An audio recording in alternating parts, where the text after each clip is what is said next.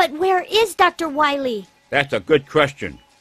We may be able to locate another energy emission from the radar room when we find that meteor.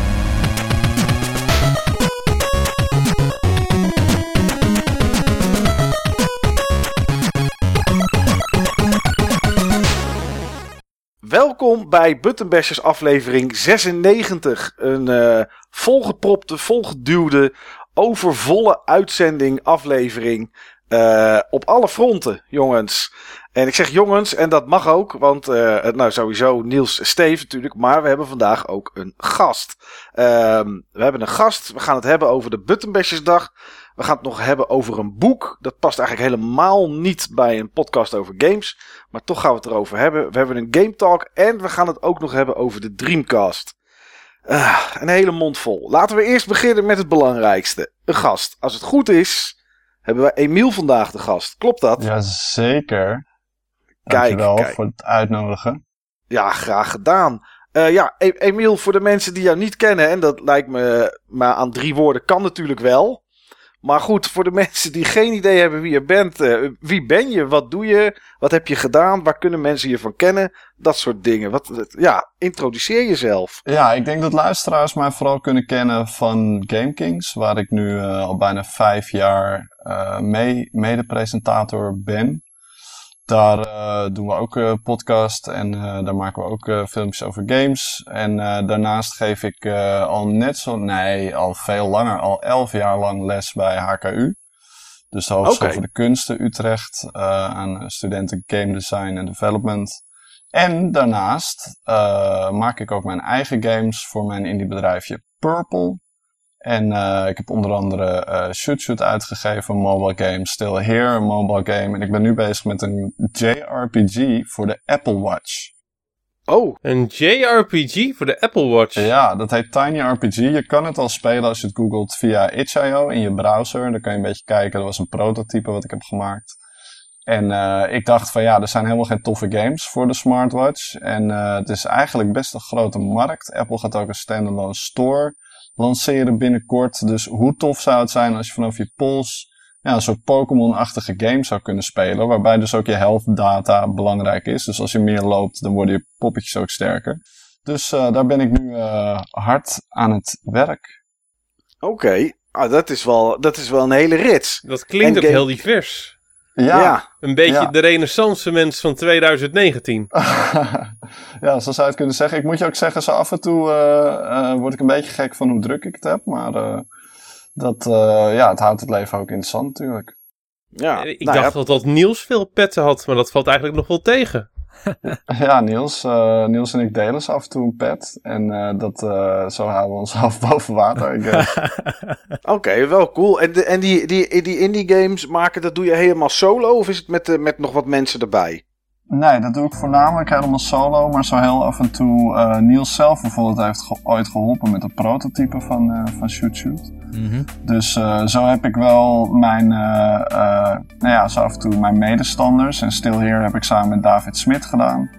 En dat is een artist, een game artist die in Berlijn woonachtig is. En ook voor audio, dat, nou ja, als ik audio ga maken, dan gaat iedereen heel hard lachen. Bijvoorbeeld Tiny RPG, degene, de versie die online staat, heb ik de audio zelf voor gedaan. Nou, dat is niet heel goed, kan ik je vertellen. Dus daar zoek ik vaak iemand voor eh, die, eh, die me daarbij helpt. En voor de smartwatch werk ik bijvoorbeeld samen met Keynote. Die eh, doen veel geluid voor games en die zit in de Dutch Game Garden.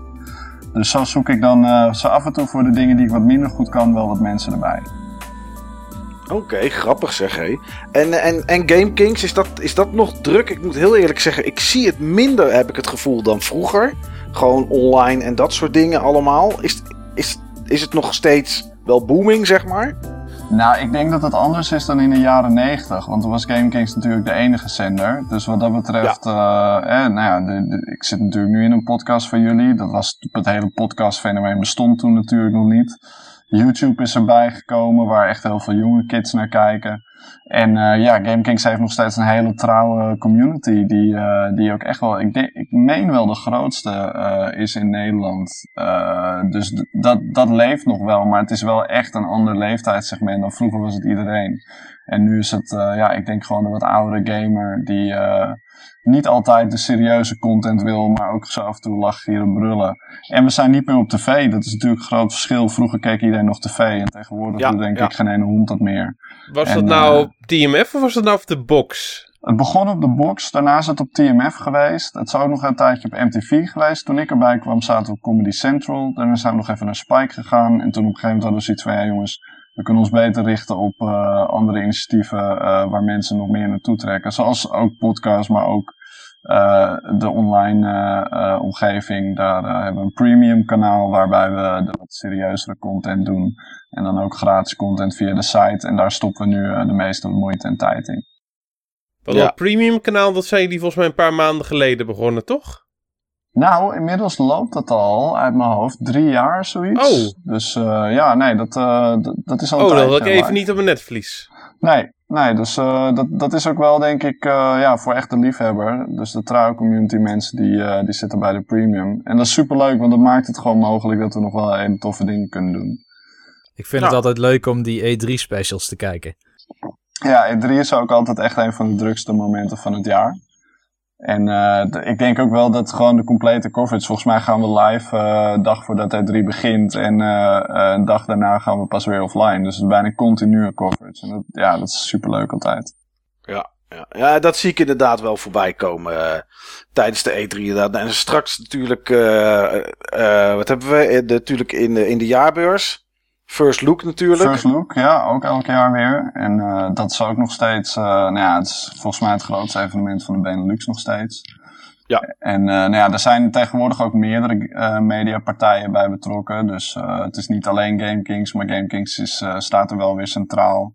Maar de, de Nederlandse YouTubers lopen er ook rond en die hebben ook vaak een stand daar. Dus dat, dat is wel echt een groter, ja, breder dan GameKings, zeg maar. Dus uh, ja, dat gaat ook weer beginnen. Superleuk. Ja, nou druk bestaan, maar wel, wel een leuk bestaan als het allemaal een beetje loopt zoals het moet, uh, volgens mij. Ja, zeker. Ja, nee, het is insane uh, tof dat je gewoon uh, nou ja, op een gegeven moment een punt bereikt in je leven dat je zegt van ik kan mijn geld verdienen met lullen over games. Dat, ja. ja, ik had, ik had denk ik als klein jongetje, zeker, hè, we gaan het later ook hebben over de Dreamcast. Als je me in die periode had verteld dat ik dit allemaal zou doen, dan zou ik zeggen van ja, dat geloof ik niet. Dus wat dat betreft nee, hartstikke had je, blij. Uh. Had je in je broek geplast van geluk, zeg maar. Ja, als je zeker wist dat het zo was. Ja, ja, ja. Nou, grappig, mooi. Nou, goede introductie. Um, Niels, mm -hmm. wij doen nu, hoe lang doen we nu deze podcast? Um, zes, zes en een half jaar ik, of zo? Ja, zoiets denk ik, ja. We waren in april, dacht ik, begonnen. Ja. Ja, dat van klopt. Net naar die beurs 2013 toen. of zo. Ja toen hebben wij onszelf ook geïntroduceerd. En, en ik dacht nu net van ja, we vragen aan Emiel van hey, introduceer je eens. Maar misschien is het leuk als wij dat zelf ook gewoon nog eens even heel kort doen. Want misschien is er in al die jaren ook wel iets veranderd met wat wij met games doen. Dus, dus Niels, wie ben je? Ja, ik ben uh, Niels. Uh, ik heb soms dezelfde pet op als Emiel. Onze levens kruisen elkaar nog wel eens. Af en aan moet ik zeggen. Emiel en ik hebben dezelfde opleiding gedaan. Uh, we hebben elkaar leren kennen met Yoshi's Touch and Go. Oh. ja, dat klopt. ja, nee, we, ik was een early adopter en Emiel ook van de DS was het geloof ik, toen die uitkwam. Mm -hmm. ja. Kwam tijdens onze opleiding uh, uit en volgens mij waren we misschien ook wel de enige die dat systeem hadden gekocht meteen. Ja, en, ja wij zaten dat ook allebei in de collegezaal te spelen, weet ik nog. ja, ja, ja. Maar dat, het was een soort van endless runner, een soort early endless runner. En um, uh, jij vond het een hele toffe game. Ik had het één keer opgestart. Ik dacht, dit is niet helemaal de Yoshi-game zoals ik die ken. Maar jij had me toch overtuigd dat er meer in zat dan uh, wat het ogenschijnlijk was. Dus het was een soort van highscore game. Maar goed, uh, los daarvan, dus opleiding. Um, ja, ik heb ook een achtergrond in gamesindustrie als game engine programmeur. onder andere bij, bij Woodend, W Games, Vanguard Entertainment, Force Field is het later ook nog eens gaan heten. Allerlei namen heeft het gehad. Uh, consultancy dingen gedaan uh, voor um, uh, rendering pipelines. Een tijdje bij Philips nog gewerkt als programmeur, maar vooral ook werkzaam geweest. Ook bij HKU Hogeschool voor de Kunsten Utrecht. Oké. Okay. En daar ben ik voornamelijk, de meeste luisteraars die me vaker horen praten, die weten dat wel, maar voornamelijk bezig met samenwerkingen met het buitenland en buitenlandse stagebedrijven. Waar ik dit jaar ook iets meer tijd voor krijg nog dan voorgaande jaren. Dus ik hoop dat daar veel in gaat ontwikkelen. Uh, en die podcast, ja, die zijn we in 2013 begonnen ook vanuit een gezamenlijke interesse. Uh, dat was het denk ik, hè? nee, ja, dat er is, valt helemaal dat is, niks meer te vertellen nu. Ik denk dat... Nee, nou, dan, dan, is, dan, is, dan is het pijpje leeg. Dan heb je je zegje gedaan erover, Niels. Ja, Ja. toch? Eh Steve, zijn jouw dagen ook zo gevuld met games als dat van Niels en Emiel? Helaas minder. Ja, Al moet ik wel zeggen dat ik de laatste periode echt wel opvallend veel heb gegamed. oké. Dus dat, dat is leuk, maar dat eh, komt zo meteen wel voorbij in, eh, in de Game Talk. Ja, ik heb het helaas de laatste tijd erg druk met mijn, met mijn dayjob. wat, wat soms een day- en night job is geworden. Ja, Ik ben in het dagelijks leven ben ik eh, managing director van een web development afdeling. Die eh, de laatste twee jaar best wel fors eh, gegroeid is. En we zijn ook met een heel groot project bezig. Eigenlijk doe ik dat niet zelf. Maar daar ben ik zeg maar een paar maanden geleden ook op aan boord gesprongen omdat het niet lekker liep. En ik weet nu wel wat het is om zeg maar in, ehm, ja, in de game-industrie te werken, denk ik. crunch We zijn, we periode. zijn geen game aan het maken, maar qua druk en qua stress en qua deadlines en qua crunch. Ja, dit is het hoor. Oké, dit is het. Ik heb ook, ja, ik heb ook ehm, regelmatig de universele oplossing voor alle deadline gerelateerde problemen heb ik eh, uit de kast getrokken. Geleerd van EA. Uitstellen. Nee, nee, nee, more bodies. Oh, oké. More bodies. Als het IE was, zou het ook kunnen zijn uitbrengen, maar dan met bugs. Who cares? Oh, dat gaan we ook doen hoor. De- we hebben de MVP hebben we echt tot het minimum, ge- hebben we tot een minimum zeg maar gereduceerd. Maar het, Ja. gaat, het gaat gewoon live in oktober. Dus eh, ja, en daarnaast ehm, heb ik heel veel hobby's. Ik ga graag naar de sportschool. Ik speel graag bordspellen met vrienden. Dat is tegenwoordig meer mijn gametijd eh geworden. Daar moest ik in eerste instantie aan het begin van deze podcast niets van hebben. Maar Nee. ik heb op een gegeven moment heb ik het licht eh, gezien. Toen we deze podcast startten, was ik eh fervent eh, retro-verzamelaar. Dus inmiddels minder. Ja. Retro games hebben wel zeker nog een, ehm, ja, een speciaal plekje in zowel mijn huis als in mijn hart. Maar is niet waar mijn gaming tijd of gaming energie vandaag de dag naartoe gaat. Dat gaat vooral naar de Switch. En dat is in ieder geval een ideaal systeem voor als je dan toch zeg maar eh, ja, wil gamen in een, met een drukke agenda. Dus Ja, toch gewoon ja. makkelijker om dat gewoon tussendoor eh, te proppen. Oké. Eh, ja, dat zal ik zelf ook gaan. Eh, Ja, ik zei de gek. Is eh, ja, lekker ik- klassiek. eh, Ja, ik zei de gek, inderdaad. Nee, ja, eh, naam is Michael, maar die is al wel gevallen. Bij mij is het eigenlijk ook, net zoals dat jij zegt, Steve, best wel wat veranderd sinds het moment dat we begonnen met de podcast. En wat ik toen deed of leuk vond met games in vergelijking met nu. Ehm, nu ben ik eigenlijk gewoon maar een, dat klinkt heel lullig, een simpele, stomme consument. Ehm, dat was ik in het begin niet. Ik weet eigenlijk niet waar ik toen voor een website. Ik schreef op zeker voor een website, maar ik weet eigenlijk niet wat het was. Ik wel. Dat ik denk dat het duimschroef Dat was. was duimschroef en vrij snel daarna kwam in de game. Ja, ja, nou voor duimschroef zat nog Gamert, het van eh, Geen Stijl. Ehm, toen werd het inderdaad duimschroef en in de game en daarna weer duimschroef en toen nog een keer duimschroef. Maar dat is een te lang verhaal, daar gaan we het ook niet over hebben waarom dat eh, zo heen en weer gepingpongd is. Ja, daar heb ik altijd nieuws gedaan, eh, reviews gedaan. ehm, ja, dat soort, dat soort dingen eigenlijk. Ehm, ik, heb, eh, ik heb nog een eigen losse podcastje nog tussendoor gehad. Mike's Minutes. Waar ik elke week een podcastje opnam. Omdat ik toch zoveel speelde. Eh, maar dat is ook te zielen. Omdat dat nu wat, eh, wat minder is. Dagelijks leven doe ik helemaal niets met games. Helaas. Ehm, dan ben ik een, ja, een IT'er. Dus ik... als mensen vragen, ja, wat doe je dan precies? Want ja, vroeger zei ik altijd iets met computers. Nou, dat dekt de lading niet helemaal meer, omdat tegenwoordig iedereen wel iets van de computer af weet. En zeg ik altijd maar, als je op de reclame iets hoort van in de cloud, nou, wij bouwen dat in de cloud. Dan is het voor mensen vaak een beetje, een beetje begrijpbaar. Uh, ja, nu, nu ben ik gewoon een normale uh, speler, een normale consumentenspeler. En zet ik of de PS4 aan, of mijn PC aan, of de Switch. Uh, Heel soms nog de PS1. En, eh, Podcastpresentator ben je. ja, dat, Dat doe je met games. Ja, dat doe, ik, dat doe ik inderdaad nog wel met games. Dat is wel een goeie inderdaad. Dat, ja, dat, hebben we, dat hebben we wel gemeen met z'n vieren. Ehm, ja, en, en bovenop zolder heb ik een verzameling waar ik ooit heel heldhaftig zei... ik ga voor een volledige PS1-verzameling. Ja, inmiddels zit het op, ik geloof, ergens rond de 800 titels. En ehm, begint de lol er langzaam een beetje vanaf te raken... omdat elke game die je nu wil kopen... eh, of hetzelfde kost als een nieuwe PS4-titel, of misschien wel meer. Eh, of ze zijn heel lastig te vinden. Ja, en dan kies ik er toch liever voor om straks eh, ja, Borderlands 3 te kopen. In plaats van dat ik een PS1-game koop die ik toch alleen maar in de kast zet. Dus eh, ja, als ik iets tegenkom voor een leuke prijs, neem ik het mee. En eh, ook voor andere systemen. Ehm, dus ja, ik verzamel nog wel een beetje, maar ook niet meer dat ik, net zoals jij in het begin deed, Steve, zeg maar, daar echt heel erg, eh, erg hard op ging. Nee, dat is er wel een beetje vanaf. Verzamel jij eigenlijk iets, Emiel? Of speel jij nog retro games? Nou, ja, zeker. Ik speel op het moment voor de Nintendo DS Dragon Quest, Chapters of the Chosen, oftewel Dragon Quest 4. Aha.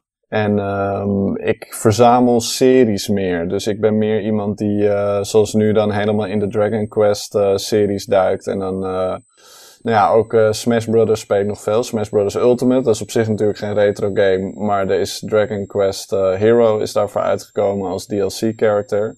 Dus dat is een, eh, ja, van de laatste Dragon Quest 11, eh, de, de protagonist, dus het hoofdkarakter. En die, eh, die is speelbaar. En er zijn ook een aantal skins waarbij je dus van oude games de helden kan spelen. En toen dacht ik van, hey, ik heb eigenlijk ooit alleen deel 8 gespeeld. Laat ik eens teruggaan. nou ja, ik ben teruggegaan naar 3. Dat was, werd mij verteld, de eerste die, eh, die ik echt even moest checken. En die heb ik toen op mijn telefoon gespeeld. En nu ben ik dus met 4 bezig op, eh, op de DS. En eh 5, 6, 7, eh 8 en 9 helaas niet. Maar 5 tot en met 8 liggen ook klaar.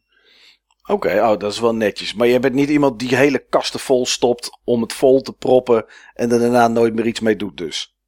Nee, ik heb dat wel gedaan. En nou ja, ik heb van bepaalde series zoals Fire Emblem, is ook zo'n serie, eh, ook waarom eh, eh, Niels en ik bevriend raakten. Want wij waren de enige twee die het kenden zo'n beetje in het begin. Maar daar ben ik ook al vrij vroeg toen gewoon alles gaan kopen wat uitkwam. Dus daar heb ik dan wel alle delen van, van staan. En zo zijn er nog wel een paar series waar, die ik dan wel een soort van compleet of semi-compleet heb. Maar dan hou ik het ook wel bij de PAL releases. En dan ga ik niet elke edition eh, eh, die ooit is uitgekomen sparen. Dus ik ben, een, ik ben niet, niet zo hardcore, ben ik ooit wel geweest. Maar ja, ik, ik heb gewoon niet zo'n heel groot huis. Eh, en ik had op een gegeven moment wel heel, heel veel spullen. Ja, dan moet je toch keuzes gaan maken en kijken wat is belangrijker. Dat ik mijn broodje kan smeren of dat ik eerst twee dozen aan de kant moet zetten. Ja. En toen ben ik er maar voor gaan kiezen om een hele zooi naar mijn ouders te brengen, want die hebben een grote zolder. En eh, de dingen die ik echt belangrijk vond, die heb ik nog gehouden. En eh, die staan hier mooi in een, eh, in een kast. Ah, Oké, maar je maar hebt het het dus is nog er wel. nog wel dus. Ik heb het nog wel, maar eh, ja, wat ik zeg, dus bijvoorbeeld voor Nintendo 64 en gewoon elke eh, console, zeg maar, die, eh, die er voor mij today, waarop een serie eh, is eh, die ik tof vind, daarvan heb ik dan vaak wel, nou ja, zeker 80% dus. Dus dat, ja, dat, dat staat ook leuk, vind ik zelf, weet je wel. Als je zo'n, eh, ik heb een Japanse Smash Brothers staan ook bijvoorbeeld voor Nintendo 64, dat dan weer wel. En dat soort dingetjes doen het gewoon leuk. Ook als je bezoek hebt, weet je. En je, je kan daarover je passie delen. En eh, dan heeft het nog meer waarde dan inderdaad alleen maar... ik zet het ergens op een kast en ik kijk er nooit meer naar. En dat, dat is ook games voor mij. Dat, eh, ehm, ja, er zijn gewoon hele mooie series die mij ook inspireren als developer tegelijkertijd. En eh, dat heb ik dan om me heen staan. En dat, eh, soms dan roleer ik dat een beetje. Dan ben ik wat meer into eh, Sonic of zo. En dan haal ik daar weer wat toffe shit van uit de dozen die dan wel even weg stonden. En dan, ja, het ziet er tof uit. Oké, nice. Ehm, goed, een rondje introductie. Dat is wat we nu gedaan hebben. Dan gaan we nu langzaam eh, naar de onderdelen toe. Ja, en zoals in het begin gezegd eh, hebben wij afgelopen zaterdag... Ik weet niet eens wat voor dag het nu is, jongens. Oh, woensdag. het is woensdag. Afgelopen zaterdag hebben wij ehm, hebben we de Buttonbashers dag 2019 gehad. Het zou ook gek zijn als het 2018 was trouwens, bedenk ik me. Maar hebben we 2019 gehad. Ehm, en Niels, eh, ja, wij hebben een boek gelezen. Ehm, en ja, daar gaan we het eerst eens even over hebben.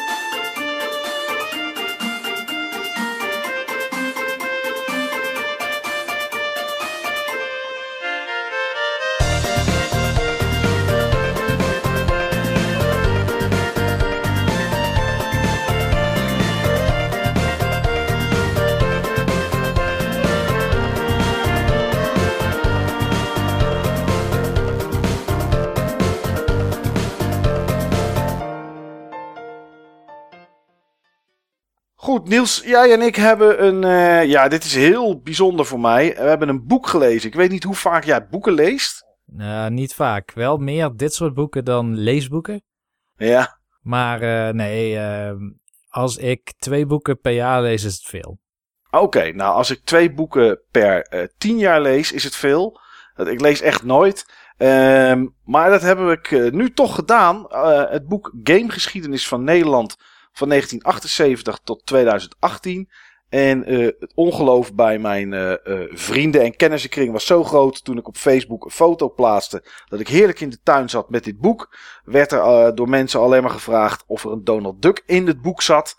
Want daar heb ik sinds kort een abonnement op. Dat lees ik dan weer wel. Maar ja, het was niet. nee, het was. Mensen verwachten het niet. Maar ik heb het toch gedaan. Het was een boek van. Nee, het is een boek, moet ik zeggen. Van ongeveer. Ja, volgens mij iets meer dan 100 pagina's. Maar de laatste 20 zijn eigenlijk allemaal. ehm, ja, notities van eh, waar de informatie vandaan komt. Mensen die bedankt werden, et cetera, et cetera.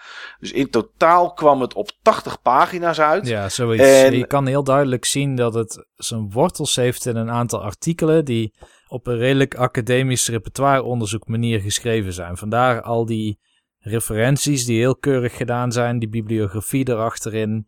Ja, daar snapte ik even niks van. Want er stond er achterin stond er dan eh, een notatie met, met, met, tenminste stond een notatie met cijfertjes. Er stond er bijvoorbeeld eh, zo'n, zo'n, die haakjes openen. En er stond er eh, 117 en dan keek je en dat stond dan Williams 2017 P116. Ik heb geen idee wat het betekent. Of dat een boek is of zo. Of waar dat dan vandaan komt. Ik- ja, ik lees nooit boeken en zeker niet zoiets als dit. Dus ik, ik, voor mij was dat een beetje verwarrend wat daarmee ja, bedoeld dat zijn werd. dus eh, inderdaad academische citatiestijlen. Je hebt eh, vaak de Harvard-style en wat hij gebruikt is daar een soort variant op. Dus dat is een manier waarop je op een hele eenduidige manier allerlei bronnen, en het is niet alleen boeken, maar het kan ook films zijn of games of documentaires, ehm, Ja. op, op een hele overzichtelijke manier zeg maar, eh, ja, kan aangeven wat je hebt gebruikt, zodat anderen die bronnen ook kunnen raadplegen. Ik snap het. Nou ja, wat je zegt klopt. Het stond ook in het boek eh, dat het oorspronkelijk drie artikelen zeg maar waren. eh, die nu uitgebreid waren om er een soort van verhaal van te maken voor, voor het boek. Ehm, en dat was ook, dat merkte ik ook echt duidelijk tijdens het lezen. Het, lezen. het eerste ging echt over ja, de beginjaren. Ehm, ik moet zeggen dat dat mijn favoriete stuk was van het boek. Het middelste, dat ging over de, echt over de CDI en Philips, zeg maar. Dat kwam eigenlijk, zat alles daarin. En dat was best wel een lang stuk. Eh, en het laatste ging over, zeg maar, serious gaming. En wat ontwikkelaars van nu. eh, en hoe dat, zeg maar, gegroeid is hier, eh, hier in Nederland. Ja, wat, wat, wat vond je van de info van, van, van wat erin stond, Niels? Wat, eh, hoe kwam dat op jou over? Was het prettig om te lezen Ja, bijvoorbeeld? ik vond het heel prettig om te lezen. Ik had niet verwacht dat ik zo snel door het boek heen zou gaan. Ja, nee, dat had ik ook. Ik ging er heel snel doorheen. Maar ik vond in het begin, toen ik mijn notities aan het maken was voor, eh, voor, voor terugkijk wat we nu aan het doen zijn, had ik geschreven: Ik vind het erg prettig lezen. Maar later heb ik dat toch bijgesteld. Omdat ehm, dan werd er bijvoorbeeld een ontwikkelaar genoemd. Werd er bijvoorbeeld gezegd: eh, deze en deze ontwikkelaar, onder andere bekend van. En dan kwamen er een aantal games. Maar achter elke game stond dan tussen haakjes eh, eh, het jaar waarin de game was uitgekomen, op welke console. En soms zelfs ook nog een stukje tekst. En had je soms van één pagina, sloeg ik meer dan de helft gewoon over. Omdat, ja, weet je, dat was dan een opsomming en dat las voor mij heel onprettig. Ja, maar dat is dus die academische stijl. Dus achter elke Ja. titel staat het jaartal. En dat is zodat je in de bronnenlijst de, de bron kan terugvinden.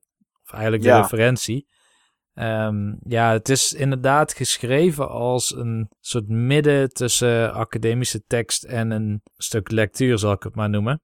Ja, Eh, dus het is wel goed leesbaar. Het is beter leesbaar dan de meeste papers die ik voor me krijg. En ik moet soms papers lezen. En ik eh, zat bijvoorbeeld afgelopen jaar in de comedie van eh Digra Japan, Kyoto. ja, Dus dan krijg je allerlei papers zonder degene die het. Dan weet je niet wie het heeft geschreven, maar die krijg je dan. En dan bepaal je welke papers dan mogelijk een praatje zouden kunnen geven.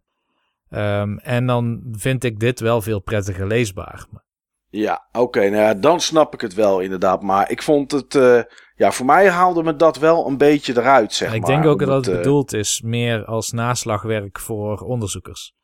Ja, me- meer dan dat, dan dat het natuurlijk eh, zeg maar een Harry Potter verhaal is. Dus dat, dat snap ik op zich wel, Ja, ja, ja. inderdaad. Ehm, ik vond, nou ja, wat ik zei, het begin vond ik echt leuk om te lezen. Het eerste stuk, dat is toch, kijk, van de laatste jaren eh, heb ik natuurlijk eh, wel wat in de game-industrie gedaan met schrijven en lezen van nieuws. Dus dan weet je heel veel dingen wel. Maar van het begin, zeg maar, ja, dat, toen was ik gewoon kleine jongen. En dan keek ik daar helemaal, eh, dan, dan keek ik daar helemaal niet, niet naar voor de rest. Ehm, bijvoorbeeld dingen over Radar, Radarsoft, Nederlandse, Nederlandse ontwikkelaar en uitgever.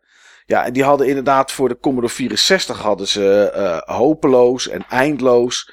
En die zijn ook Engels uitgekomen. En volgens mij heb ik de Engelse hopeloos hier liggen, hopeless.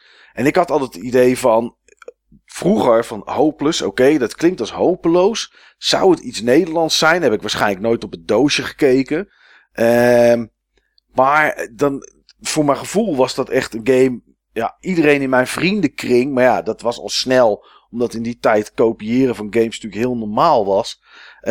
Wa- wa- iedereen had die game. Maar het blijkt dus dat het gewoon helemaal niet zo succesvol is. Maar dat dacht ik altijd wel. Ik dacht dat dat hele succesvolle games waren. Nou ja, succesvol was dan denk ik in het boek uitgedrukt in verkoopcijfers. Maar jij zat niet in die kringen waar het over verkoop ging. Nee.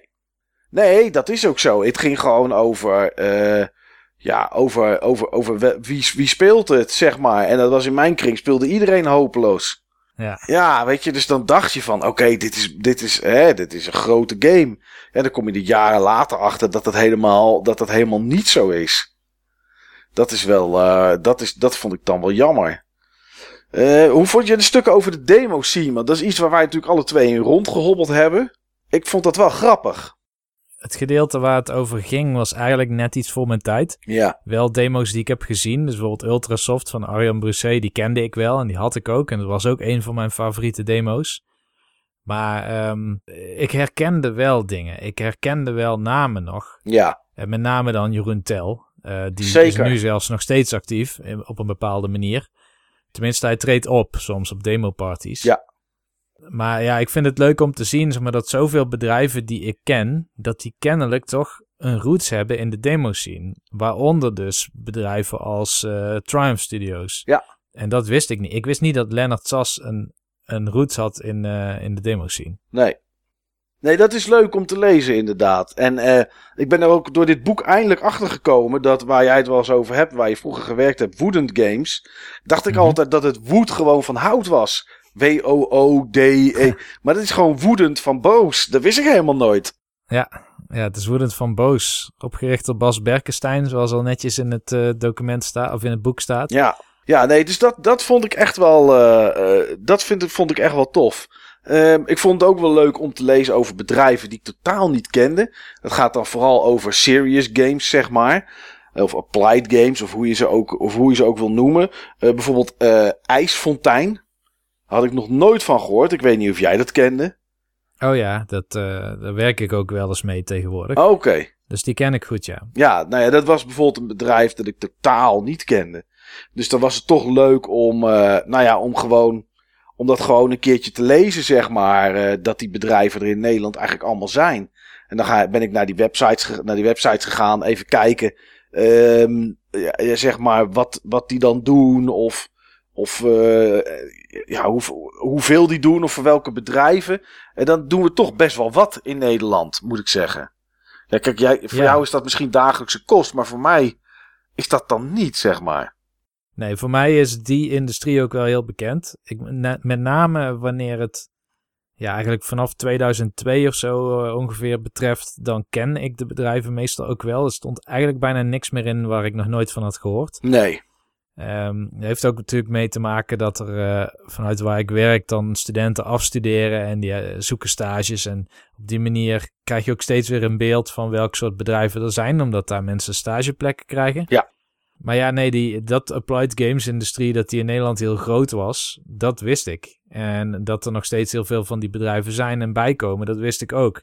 Wat ik niet wist, um, en daar maakt dit boek in ieder geval een case voor, is dat die eigenlijk allemaal hun roots hebben in bepaalde maatschappelijke, economische en ook politieke invloeden van lang geleden. Echt van Philips, die toen ooit nog de Magnavox Odyssey heeft gereleased. Ja. En dat ze daar toen heel duidelijk zich steeds hebben gericht op educatieve software. Ja, Of dat in ieder geval de hardware promoten met dat doel. En dat dat eigenlijk die Nederlandse industrie ook een beetje gevormd heeft op die manier. Ja, dat was inderdaad altijd als er iets, als er iets uitkwam, een apparaat, of in ieder geval bij Philips en later ook andere bedrijven zoals uh, uh, Davilex. Dan was het altijd een combinatie van soort bedrijfssoftware of iets mm. met educatie en iets met games. Het was altijd alles van alles een beetje om het eigenlijk te vergoelijken dat eigenlijk voor iedereen zo'n apparaat eigenlijk nuttig was. Ja, en omdat voor entertainment games waren de publishers niet bereikbaar in Nederland. Je had niet echt grote publishers. Dat, wat was het? Take-Two Interactive of zo was het, geloof ik? Nee, uh, gewoon T2 volgens mij. T2, Inter T2. Ja, T2 Interactive volgens mij. En later nou ja, werd dat T3 dan... volgens mij of zo. Als in een doorstart inderdaad. Maar ja, de grote publishers die waren meestal internationaal. Dus daar kun je ja. wel samenwerking mee hebben. Maar die zijn wel iets lastiger om te bezoeken of, uh, of te ontmoeten. Als je hier in Nederland zit. Ja, ja, al met al moet ik zeggen dat ik het. Uh, ik vond het best interessant om te lezen. Het was niet altijd even makkelijk, maar goed, voor jou wel, omdat jij vaak wat meer academische stukken leest, zeg maar, ja. en, en ik niet. Dus ja, ik lees, zoals we het net hebben gehoord, de Donald Duck. Dus uh, dat is dit wel een hele andere kost.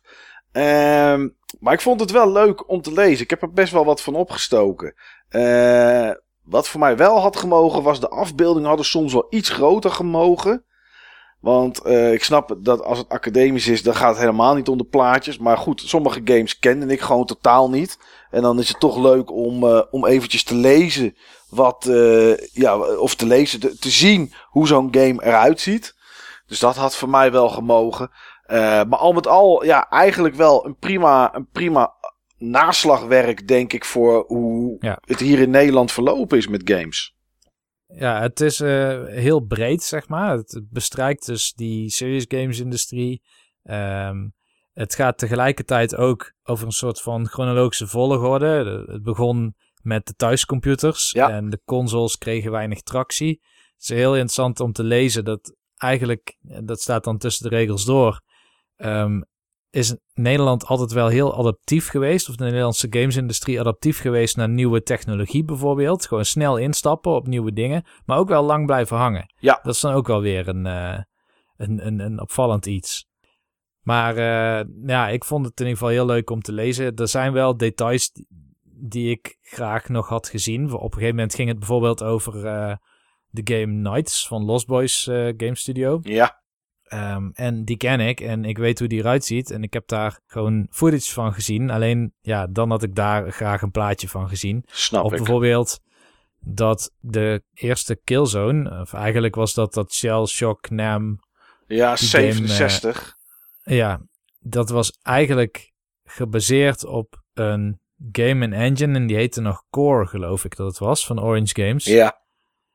Eh, maar dat wordt niet genoemd, maar dat zie ik dan wel weer eigenlijk als zo'n hele belangrijke stap. Maar ja, Mm. daar heeft dan eh, de schrijver van, eh, van het boek, Tom Lenting, heeft daar dan misschien andere keuzes in gemaakt. Ja, of Of dat niet op het netvlies gehad. precies. Daar hangt natuurlijk ook vanaf waar hij natuurlijk toegang toe heeft gehad. En wie die heeft kunnen bereiken voor zijn, voor zijn onderzoek natuurlijk.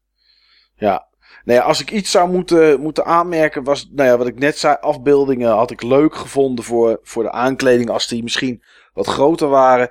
En ehm, ik had het eerste deel wel graag, had, had voor mij iets langer gemogen, of iets uitgebreider over echt die beginjaren, zeg maar. Maar goed, dat is natuurlijk puur persoonlijk, omdat ik, eh, omdat ik dat interessant vind om, eh, om, om echt die opstart van hoe dat hier in Nederland is geweest, eh, nog wat meer te lezen. Dus het zit er nu zeker in hoor. Het is, je komt alles wel tegen. Commodore 64's, eh, MSX, nou ja, noem het allemaal maar op. Eh, maar goed, ja, al met al denk ik een prima, prima boek slash naslagwerk, Niels. Zeker. Ja. Ja, erg leuk om te lezen. Ik raad het ook aan als je eh, geïnteresseerd bent in die Nederlandse gamesindustrie om dit te lezen. Het is voor mij in ieder geval tot nu toe het beste wat ik erover heb gelezen. Nou, dat lijkt mij een mooi compliment. En we kunnen eh, de luisteraars van de podcast daarbij helpen.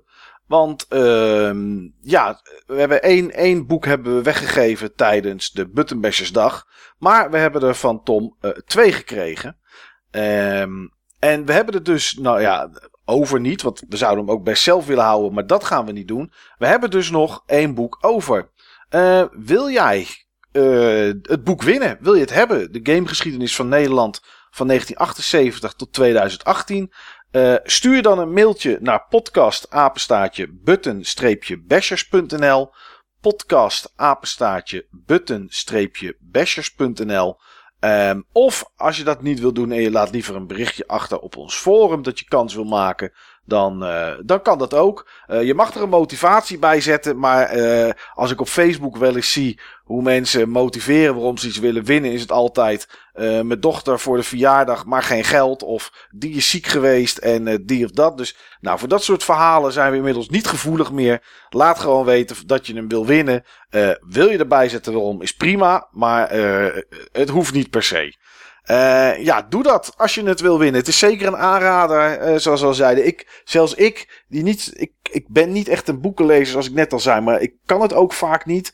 En dan zou je zeggen, waarom kan je niet boek lezen? Je kan toch wel lezen? Ja, ik kan wel lezen. Maar vaak is het zoals ik bij regel 4 ben, ben ik alweer vergeten wat ik bij regel 1 gelezen heb. Op een of andere manier blijft het niet meer hangen. Maar daar had ik hier uh, geen enkel probleem mee eigenlijk. Dus uh, nogmaals, wil je een exemplaar uh, winnen? Stuur een mailtje naar podcastapenstaatje button-bashers.nl of laat een reactie achter op het, op het forum.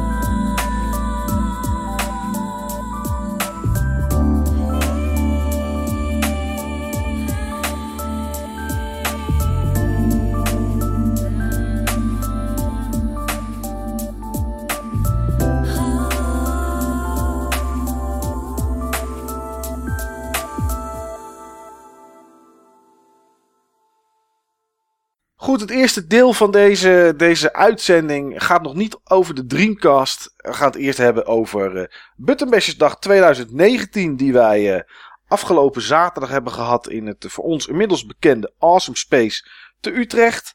Ehm, ja, uh, Steve, hoe was die dag? Wat vond je ervan? Ja, als vanouds. Ja. Dat als vanouds. Ja, dat is eigenlijk Het is inmiddels een, uh, een traditie. Ja. Ja, dus, dit was de vierde keer dat we in, ja. in Awesome Space waren. Hij kwam er timingstechnisch niet super goed uit. Dit was uh, de eerste dag van mijn vakantie en ik was echt uh, best wel moe. Ja.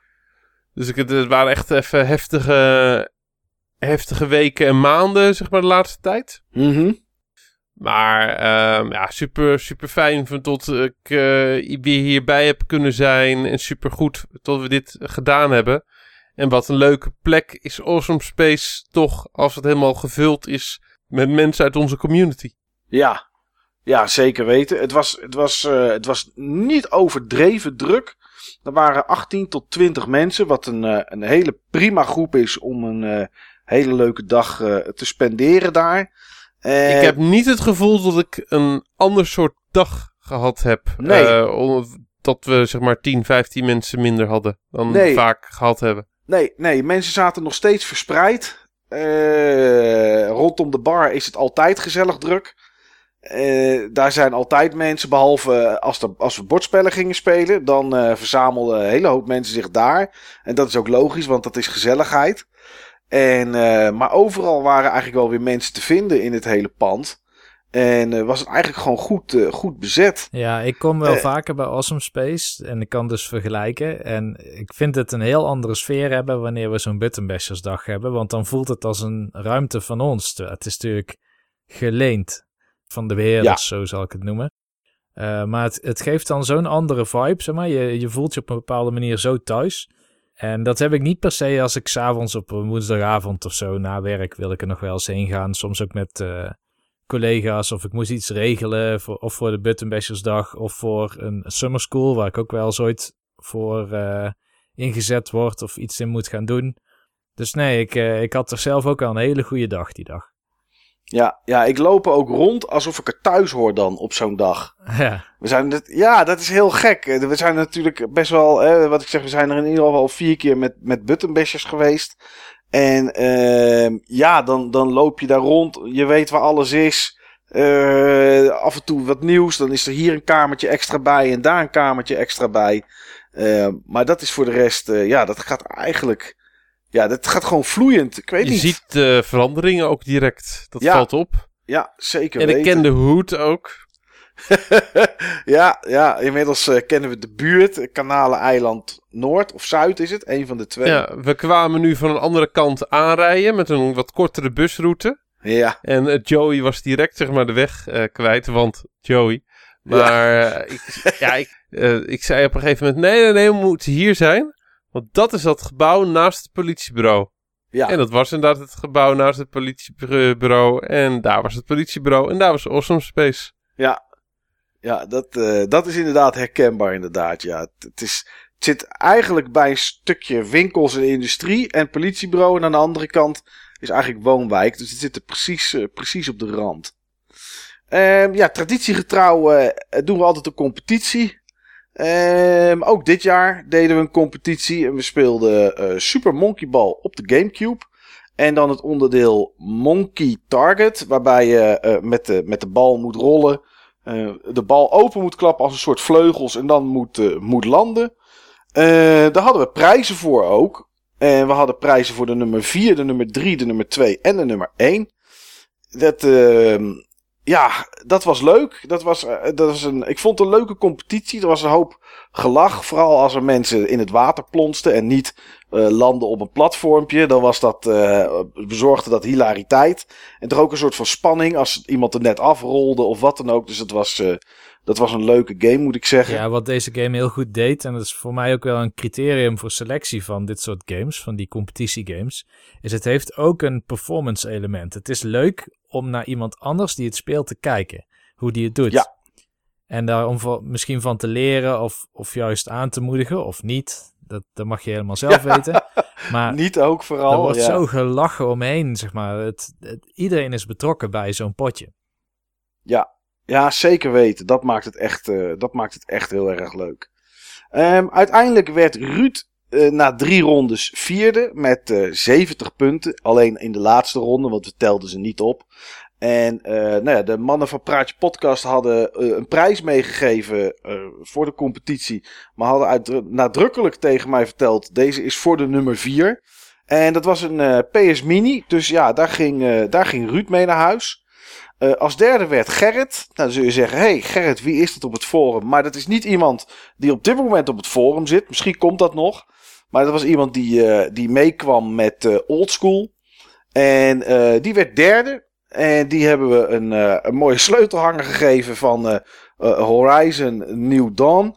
En nee, Far Cry. Far Cry New Dawn, dat is hem. Ik haal eventjes zes titels door elkaar, maar dat maakt voor de rest niet uit. En daarbij kreeg hij een boek, De Gamegeschiedenis van Nederland van 1978 tot 2018. Eh, ja, toen hadden we een probleempje, want wat je eigenlijk verwacht dat niet gebeurt, gebeurde toch. Eh Pius en Oldschool, die, eh, die werden gelijk eerste. Was een beetje stom van Oldschool, want die had namelijk heel makkelijk kunnen winnen. Door in de laatste ronde, al was het maar, een banaantje op te pakken om 10 punten te halen. Eh, maar dat deed hij niet. Dus toen eindigden ze alle twee met 150 punten. En toen hebben we nog één keer een ronde laten spelen. En toen kwam eh, Maarten Pius, die kwam als winnaar uit de bus. Dennis die werd tweede. Daar hadden we een Red Dead Redemption 2 shirt voor. En de, hoe heet dat boek Niels? De Unofficial SNES Compendium of zo? Eh, zoiets. NES Super Famicom of NES Famicom Compendium. Oh, oké, dat was hem inderdaad. In ieder geval een heel dik boek. Een heel tof, mooi boek. Ehm, en de nummer 1, dat was eh Piers. En Piers die eh, kreeg namens Jur van Pressstart een, een doos met meer dan 30 euro aan waarde met goodies. Er zat zo'n pop, eh, pop zat er zeg maar in. Van die pop, POP, uitroepteken. Eh, Van Skyrim. ja, van Skyrim. En er zat, eh merch ja, er zat allerlei merchandise dingetjes in van, eh, van Een, diverse dorps, games. een dorpsfiguur, ook van Pop.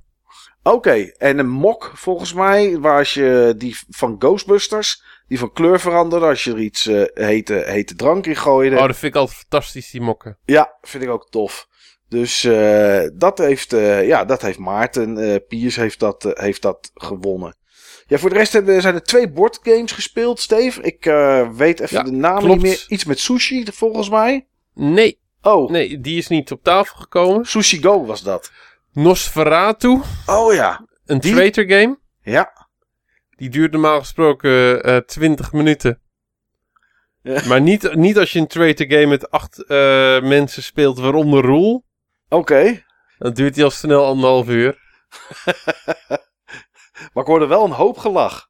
Ah, er was zeker veel gelachen. Het is ook een geweldige game. Dus eh traitor games met een grote groep zijn altijd leuk. Ja. Eh, de, ehm, vorige keer hebben we Secret Hitler gespeeld. Ja, dat was ook geweldig. Ook een traitor game. Ja. En deze game is net weer even iets anders. Hierbij heb je een groep vampierenjagers. Met daartussen één vampier. En de vampier heeft een helper. En iedereen weet gewoon de helper is, wie de helper is van de vampier. De helper van de vampier is ook een soort verkapte spelleider. En ik was zeg maar de helper van de vampier. Oké. En ehm, ja, ik, ik wijs er ook zeg maar een vampier aan aan het begin. Die ik alleen weet. En eh, dit was in dit geval eh Piers. Ja. Alleen eh Piers die, ja, hij, het was te snel duidelijk in welke hoek de vampier gezocht moest worden. Oké. Dat was jammer. Maar dan alsnog duurde het anderhalf uur. Ja, omdat, eh omdat Roel zeg maar een pussy manier had bedacht. van hoe je zeg maar vanaf dat punt niet meer kon eh, verliezen. Oh, oké. Klinkt als rol. ja, ja. En waarom zou je risico lopen, quote, als je ook gewoon zeker weet dat je kan winnen? Ja. Zit iets in. Maar ja, als dat voor de rest een klein beetje spelbederf is, is dat wel jammer. Ja. Maar ehm, nee, dit, eh, ja, dit was. eh, ik vind het fijn dat de vampierenjagers op deze laffe, uiterst, uiterst laffe manier hebben, ehm, hebben mogen winnen. Dat gun ik ze. Dat Mhm. gun ik ze. En daarna hebben we zeg maar ehm, twee potjes King of Tokyo gespeeld.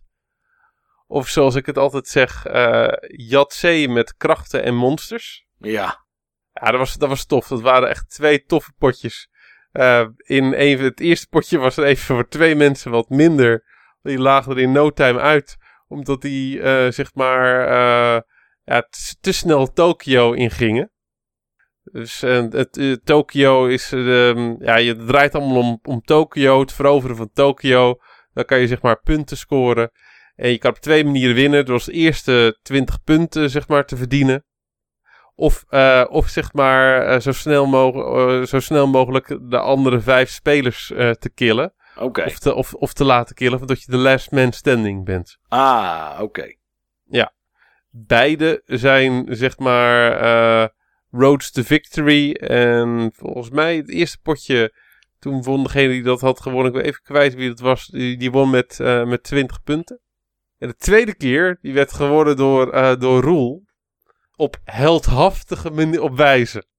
Oh, Echt gewoon op heldhaftige wijze. Eh, Echt gewoon precies het tegenovergestelde als de laffe, laffe manier die die zeg maar die hele groep had, ook had in, mee, eh, in, in- had meegezogen. ja. Hoe, die, hoe die zeg maar King of Tokyo zeg maar heeft eh, gewonnen. One in a million chance. Oké, nou dat is dan Ja, wel een, dat ja. maakt het dan een beetje goed. Ja, je hebt zeg maar. ehm, je, je probeert zeg maar. Bepaalde combinaties van stenen eh, te werpen. ehm, om, om zeg maar je hartjes aan te vullen. Hartjes aanvullen alleen als je in Tokio staat. Ah, er zijn bepaalde dingen die geven punten. Dan krijg je zeg maar. eh, drie, drie punten of, of, of één punt. Of als je dan vier dezelfde hebt. eh, als je zeg maar vier keer drie hebt, krijg je drie punten voor de drie drieën. En krijg je een bonuspunt voor de vierde drie. Eh, je hebt zeg maar ehm klauwtjes waarmee je dan de, als je buiten Tokio staat, de tegenstanders in Tokio aanvalt en vice versa. En dan, je kan ook zeg maar kaarten kopen met, ehm, met eh, energy tokens. Ja. En Roel had als eerste een kaart gekocht. Een kaart gekocht voor drie energy tokens. Een relatief goedkope kaart. Ehm, waarbij je zeg maar op het moment van dat je een grote, ik noem het eventjes een grote straat hebt gedobbeld. Wat normaal gesproken niks is. En waarmee je ook, ehm, als je ervoor gaat, je kansen zeg maar ehm, enorm blokkeert op, op andere goede combinaties. Want ja, je moet van alles eigenlijk wel meerdere dingen hebben om gewoon iets van waarde te hebben.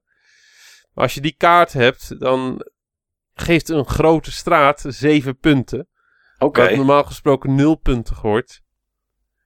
En Roel gooit in dat potje, waaronder de eerste keer nadat hij die kaart heeft, gooit hij gewoon twee keer een grote straat. Ah, Meer een soort van Joey-strategie, zeg maar. Ja, als ik het zeg maar, eh, als ik het, eh, ja, als ik het zeg maar, als het Joey geweest was, had ik het dom geluk noemen, genoemd. En eh, gezien dat het Roel was, noemde ik het gewoon ultiem doordachte tactiek en lef. Ja. En dat is Ja. gewoon het verschil per persoon. ja. Ik denk ook niet dat, dat, dat Joey zeg maar de waarde inzag voor die kaart te, te kopen. Want ja, dat, dat inzicht, ja, dat voor dat soort inzicht in Joey, nee, nee, nee. Oh, mooi man. Nee, maar het was echt, was echt mooi hoe die won. En eh, elke keer als hij dan zeg maar eh, in de buurt was van een, van een grote straat. Hij had eh, steeds zeg maar, je mag drie keer worpen, je mag drie keer werpen. Je mag zeg maar zelf ook kiezen van welke stenen je vasthoudt en welke je weer vrijgeeft. En hij had ook een aantal worpen. Dan had hij gewoon zeg maar vijf stenen. Eh, dan hoeft hij nog maar zeg maar die eh, vijf verschillende. Dan hoeft hij alleen nog maar die, die zesde te gooien. En ja, je zag wel dat de hele groep met hem meeleefde. En ook gewoon meeging in zijn poging.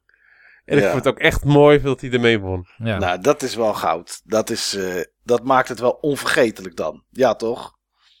Ja, ik, hou- ik denk dat, eh ik denk dat eh, Roel dit over tien jaar nog weet. Net zoals alle keren dat hij ooit heeft gewonnen in een spel.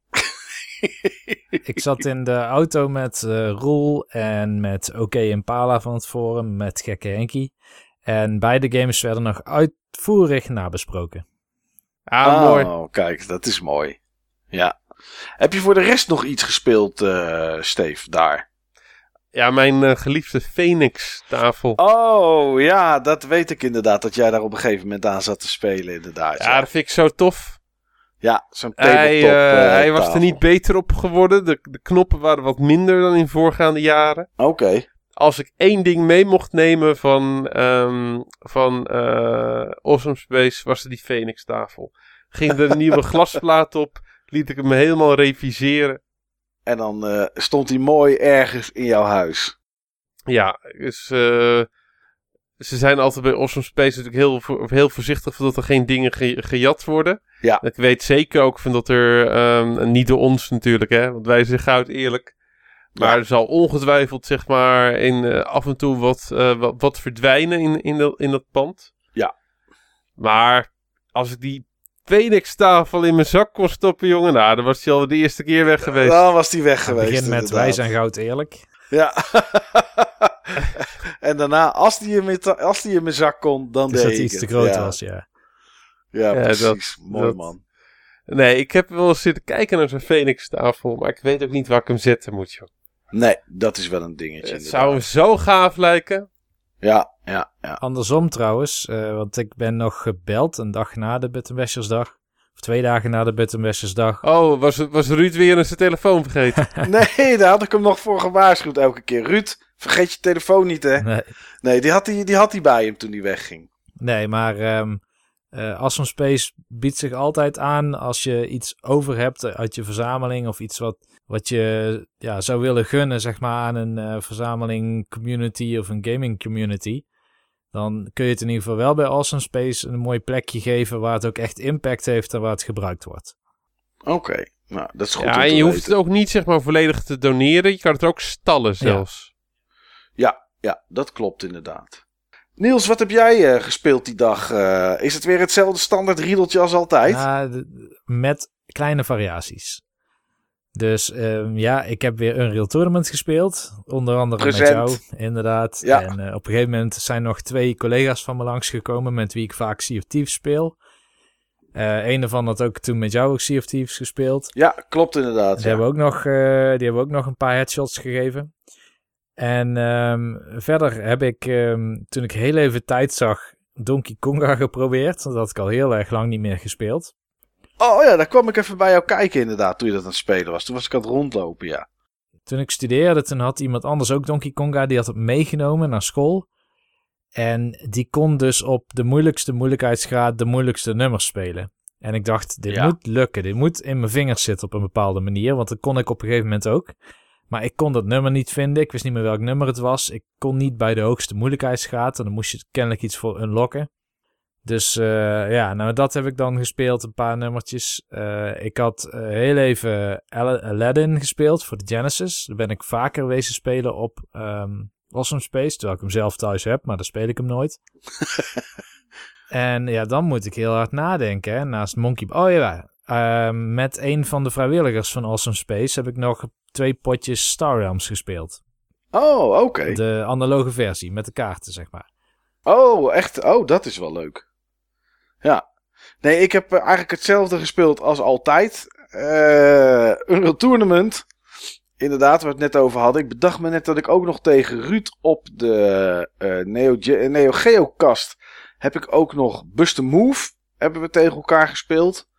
Ehm, ik was bang dat Ruud ging winnen, maar ik mocht toch de winst aan mezelf eh, toebedelen. En ik heb, eh, ja, dit slaat echt helemaal nergens op, maar het was eh 31 augustus dat we daar waren en dat is de laatste dag van de maand. En dat is dan ook de laatste dag van het Hearthstone seizoen. En ik kon eigenlijk, als ik misschien wat potjes had gewonnen, rank 5 halen. Dus ik heb samen met, eh met Piers hebben we achter mijn Hearthstone, eh, mijn Hearthstone decks gezeten om te kijken of we, of we rank 5 konden halen. En dat is helaas op eh 6 en eh 5 sterren gestrand. Er was nog één winst voor nodig om het te halen. En eh, helaas ging het, toen, eh, ging het toen mis. Dus dat heb ik ook nog, uh, ook nog even gespeeld. Maar goed, ik, ik heb me ook voorgenomen om me niet meer voor te nemen dat als ik naar Awesome Space ga, uh, uh, veel meer games te spelen. Want dat is toch iets wat eigenlijk altijd, altijd mislukt. Dus, maar ik vind het ook prima zo. Het was een gezellige dag. Ik heb ook op het forum eigenlijk alleen maar mensen gezien die het leuk en gezellig vonden. Had ook prima geweest als er mensen waren geweest die dat niet vonden. Want dan konden we er misschien iets van, uh, van opsteken of van leren voor een volgende keer. Maar uh, ja, nee, ik, uh, volgens mij was het een, een prima dag.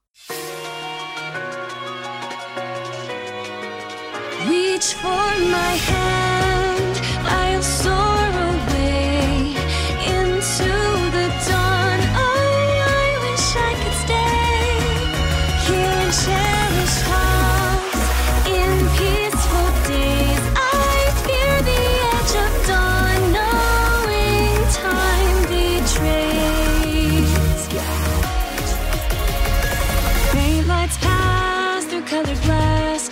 beloved place.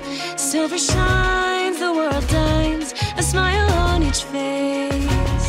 As joy surrounds, to bounds, and I can feel them breaking free.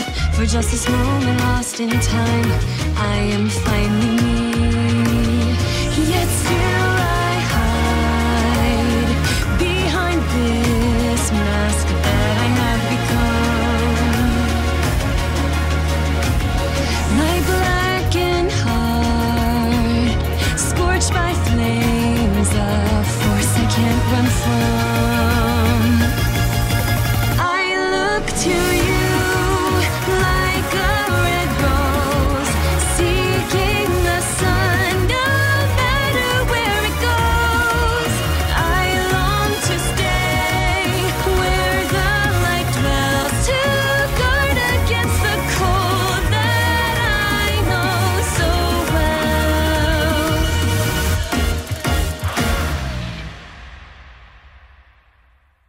Goed, dat waren eh, nou, twee onderwerpen. We, zijn lekker, eh, we lopen al lekker aardig in de tijd. We zitten goed in de spreekwoordelijke olie. Tijd voor de Game Talk. Ehm, ja, Steve, wat heb je gespeeld?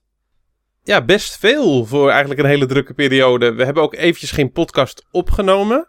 Nee, klopt. Dus dat geeft je ook de kans om wat meer te spelen. Ja. Ik heb ten eerste heb ik ook Kami afgemaakt. Oh, netjes. Ja, dat ehm, vond ik op het eind leuker dan op het, op het begin eigenlijk. Er komt gewoon meer bij qua variatie. En ik had ook het gevoel van dat er iets meer uitdaging in zat. Al is dat relatief. Ja. Je wordt ook wel echt sterk op het eind. Maar ehm, ik had wel het gevoel dat er iets meer uitdaging in de mechanics zat. Oké, nou wel tof ja. dat je het door hebt gespeeld. Voor de mensen die denken: hé, hey, ik heb helemaal nooit Okami gehoord in de Buttonbash podcast. Dat klopt, want het was een aflevering van Club Buttonbashers. Dus als je geen idee hebt wat het is, zoek het even op. En dan hoor je in ieder geval wat Steve er destijds van vond. Ik denk ook wel, Steve, dat het fijn is dat je het niet hebt gerushed toen voor die aflevering. Want vooral dat, zeg maar, dat laatste hoofdstuk van Okami, dat is denk ik fijner om daar gewoon de tijd voor te nemen in plaats van dat heel snel door te spelen. Want dan voelt het al snel als een soort herhaling. Ja, dat klopt wel. Ik weet ook niet of het een game is die ik iedereen zou aanbevelen, nu ik hem uitgespeeld heb. Ik vind het wel echt een game uit zijn tijd. Ja, ja, dat ben ik met je eens. Het is een beetje een Zelda-like eh, ook, toch? Ja, Ja, ja. ja, maar, dan echt, maar dan zonder enige uitdaging. Het Doodgaan is echt heel erg knap. Iedereen die dood kan gaan in Okami en ook echt gewoon dood, dood. Dat je jezelf ook niet kan reviven. Nou, respect hoor. En heb jij eh, de HD eh, remaster? Of, eh, Ja, HD eh, gespeeld? remaster. Ik heb hem, op de, ik heb hem op de Switch gespeeld. Ik heb hem ook op de PS4, maar ik heb hem op de Switch gespeeld. Okami had ik op een gegeven moment vier keer bij elkaar geharkt. Zonder dat ik hem ook maar één keer had gespeeld. dan heb je gewoon net zoals Emiel verzamel jij ook reeksen, Steve. Maar dan van dezelfde game op Ja. verschillende platformen. Is ook, Ja. is ook mooi. Inderdaad. Eh, de tweede game die ik heb gespeeld, Ja. heb ik inmiddels gespeeld. En ook wel hardcore gespeeld. Op vier verschillende platforms. Op vier verschillende platforms. Ja, en dat zijn er niet veel. Ja, dat kan alleen maar Skyrim zijn, man. Want dat is zelfs op de Apple Watch is het, denk ik. En ander, anders zorgt Emiel er wel voor, toch? ja, precies. Ja. Even poorten. Ja. Nee, dat is eh, Diablo 3. Oké, Ik had daar hem- weer aan begonnen? Ja, ik had hem natuurlijk eh, vrij hardcore gespeeld op PC in eerste instantie. Ja. Dat was eigenlijk de eerste keer dat ik deep down the rabbit hole van online games ben gegaan. Daarna heb ik hem toch ook wel echt flink gespeeld op PlayStation 4. Mhm. Ik kon hem een tijdje geleden kon ik hem voor 20 euro scoren op de Switch. Ja. En dat was. eh, ik had hem eindelijk gekregen. Jelle had hem liggen en het kwam er steeds niet van. En ik kreeg hem precies tijdens die enorm warme dagen. Oh, echt lekker. gewoon die 40 graden dagen. En het was echt zo warm bij mij dat je gewoon echt onmogelijk kon slapen s'nachts. Ehm ik wachtte eigenlijk op een andere game die uit zou komen, die op dat moment net niet uit was. Maar ik had wel dus zeg maar Diablo liggen. En op een gegeven moment had ik zoiets eh, van om een keer op twee uur s'nachts. Joh, ik kan toch niet slapen. Eventjes gewoon anderhalf uur Diablo. Eventjes. Ja, net zoals destijds op de PC, Steve. Alleen toen vroor het. Ja. alleen, alleen nu ging het, joh, anderhalf uur Diablo, dat bestaat gewoon niet bij mij. Nee. Dus ik ben echt gewoon in twee weken tijd, ben ik gewoon echt deep down the rabbit hole weer gegaan. En eh, had ik opeens maar in mijn eentje een level 70 eh, Necromancer gecreëerd. In, eh, in de season van dat, Ja. van dat moment. Nou, dat wilde ik net vragen inderdaad. Hebben ze seasons op de Switch? Ja, ze hebben nu seasons. Oké, en ik, ik had nog nooit gespeeld met een Necromancer. Ik had nog nooit een season gedaan.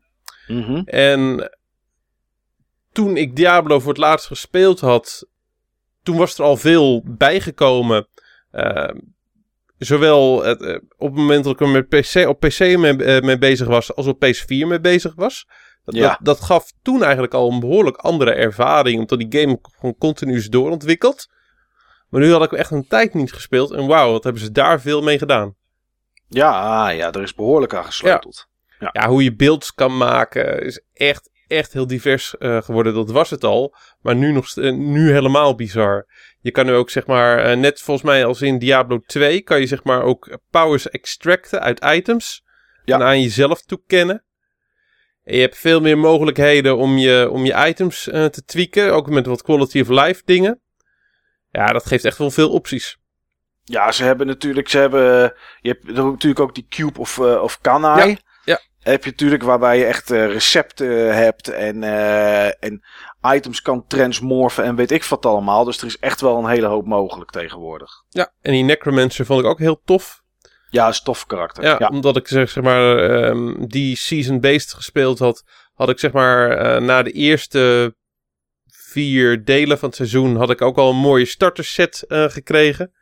Ehm, Oh, dat klopt inderdaad. Ja. Als je vier, eh, vier mijlpalen haalt, dan krijg je Ja. de, ar- de armor kit van die maand, van Ja. die, dat seizoen. Ja. Klopt.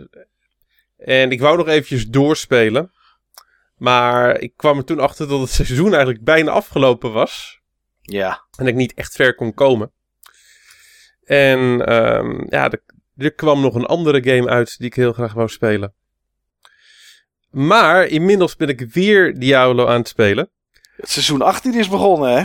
Ja, maar die speel ik niet op Switch. Oh, Die speel ik samen met een, eh, met een maat van me van werk, die hier op twee minuten afstand eh, woont, toevallig. Speel ik die op zijn gloednieuwe Xbox One X. oh, oké. Die, Couch co-op. Ja, Couch Co-op. Ik heb, ik heb ook nog nooit, zeg maar, Diablo Couch Co-op gespeeld. En dat vond ik ook wel tof om, eh, om te ervaren. En dan kan je ook zeggen, dat is ook tof. Dat Dus- is een hoop Diablo, eh, Ja. kerel. En ehm, Xbox One X-versie is toch weer net weer anders. Oké. Ik had het gevoel dat er een paar dingen, of misschien ben ik die gewoon nog niet tegengekomen op de Switch, maar ehm, in ieder geval qua effecten. ehm, qua effecten zie je ook wel dat er extra dingen aanstaan die ik op andere versies nog niet gezien had. Ja, dat had het gevoel had ik bij The Witcher 3 bijvoorbeeld helemaal niet. Ja, het is toch gameafhankelijk, hè? ja. Ja, Ja, maar dat is eh, een, boel, nice. eh, een boel Diablo 3. Ja. Maar dat is vast niet het enige. Nee, Ehm, om, om te beginnen heb ik een belangrijke vraag. Aan Oh. Niels, maar ook aan Emiel. Want in feite kan ik diezelfde vraag aan jullie allebei stellen. Hoe ging jullie sollicitatieprocedure? Wat? ik weet wat Hoe ging, jullie, hoe ging jullie sollicitatieprocedure bij, eh, bij de HKU? Oh. Eh, het was een- bij mij een omgekeerde sollicitatieprocedure. Dus ehm, ik werd gevraagd om iets te vertellen over een project wat ik ooit had gedaan. Ja. Maar het bleek een verkapte sollicitatie. Dus toen zeiden ze, ja, dat project is heel interessant en we doen nu ook zoiets met studenten en we hebben graag dat je het begeleidt. Dus zo is het ongeveer gegaan. En was dat ook het project dat wij ervoor samen hadden gedaan, Niels? Eh, ik denk het wel. Ik denk dat het... eh, Wij, wij hebben toen een motion control combat game gemaakt voor Guerrilla Games als, in onze afstudeerperiode. Ja, volgens mij was dat dat project. Dus dat was er. En ik had per ongeluk in mijn eh, masters eindpresentatie eh, indruk gemaakt op twee mensen die vooraan liepen in de serious games business of de applied games. Per ongeluk ook. Ja, per ongeluk. Het was ook helemaal niet mijn bedoeling eigenlijk, maar eh, de feedback was letterlijk dat ik met een blinddoek op over een brug zo dun als een scheermesje heen liep. Dus eh, ja, toen werd ook vanuit die kant getrokken om iets in die applied games te doen. En eh, nou ja, volgens mij heb ik het verhaal wel ooit in de podcast verteld. Maar ik, ik had eigenlijk meerdere partijen, Guerrilla Games, Woodend Games en HKU. En ik ben toen weggegaan, met op vakantie gegaan voor anderhalve week, omdat ik niet kon kiezen. Ik had ook wat gerommel, zeg maar, met, met Woodend op dat moment. Dus het ging tussen Guerrilla Games en HKU. Maar HKU die was het meest, ja, leek het meest, zeg maar, van kom alsjeblieft bij ons, want we, gaan dan echt hele coole dingen doen en we kunnen je echt heel goed gebruiken. Dus daar heb ik daarvoor gekozen. Ja, bij mij was het een beetje hetzelfde eh, verhaal. Ik ben toen eh, na dat project wat wij voor Guerrilla Games eh, hebben gedaan, ook bij Guerrilla aan de slag gegaan. En toen heb ik eh, geholpen met het opzetten van user tests voor Killzone 2. En ehm, dat kwam ook omdat ik dat voor ons studentenproject heel eh, zorgvuldig had gedaan. En eh, ik, ja, motion controlled gaming was toen eigenlijk helemaal nieuw. En zeker met die Six Axis, wat natuurlijk een beetje een gek ontworpen apparaat is om motion control eh, voor te gebruiken. Eh, en Guerrilla Games zat zelf een beetje ermee in hun maag. Van hoe kunnen we dat nou godsnaam voor Killzone 2 gaan gebruiken? En eh, hoe gaan we erachter komen of we dat kunnen gebruiken? En toen hadden ze mij eigenlijk eh, gevraagd van... Hey, kan jij eh, ons helpen met die user test en onze designteam ondersteunen in feedback geven van de gebruikers? Kan je dat vertalen naar iets waar we wat aan hebben? Dat vond HKU eigenlijk weer super interessant. Dus ik was afgestudeerd en HKU die zei van ja, dat is wel heel interessant. Want ik was naar Liverpool en naar Londen geweest. En daar had ik allemaal user tests gedaan, ook in het hoofdkwartier van Sony Europe. En eh, dat was natuurlijk super leuk om te delen met die studenten weer, eh, die ervaringen. Dus dat heb ik toen eigenlijk verder doorgezet. Eh, tenminste, die ervaring heb ik weer gedeeld bij HKU. En dat ging redelijk, ja, ook een beetje zoals Niels vertelde. Van, hey, wil je eerst een keer een gastles komen geven, was het dan bij mij. En toen op een gegeven moment bleek van, nou ja, we willen je eigenlijk wel gewoon vakken laten geven die hier raakvlakken mee hebben. En eh, ik had zelf zoiets, ik was erg jong, ik was 21, dus ik was ook nog niet uitgeleerd wat dat betreft. En je leert natuurlijk ook heel veel van lesgeven.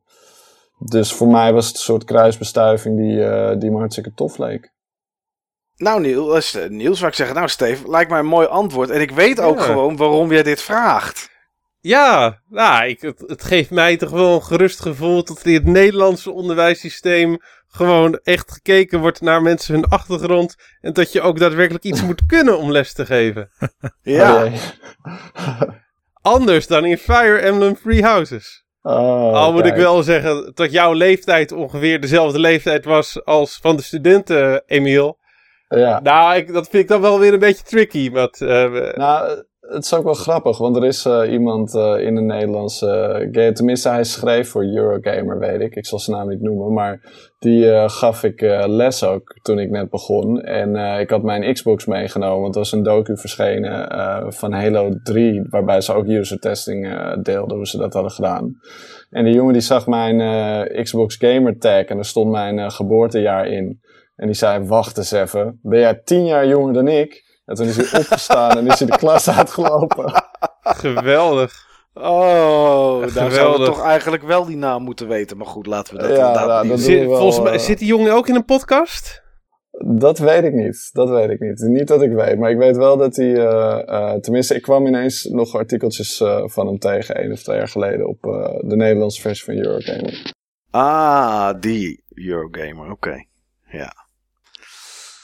Maar goed, Ja. Steve. Fire Emblem Three Houses. Fire Emblem Three Houses. De Fire Emblem waar ik totaal niet naar uitkeek. En waarbij ik echt zoiets had van... eh, nee, ik, eh, ik, ik weet het niet. Ik weet het niet.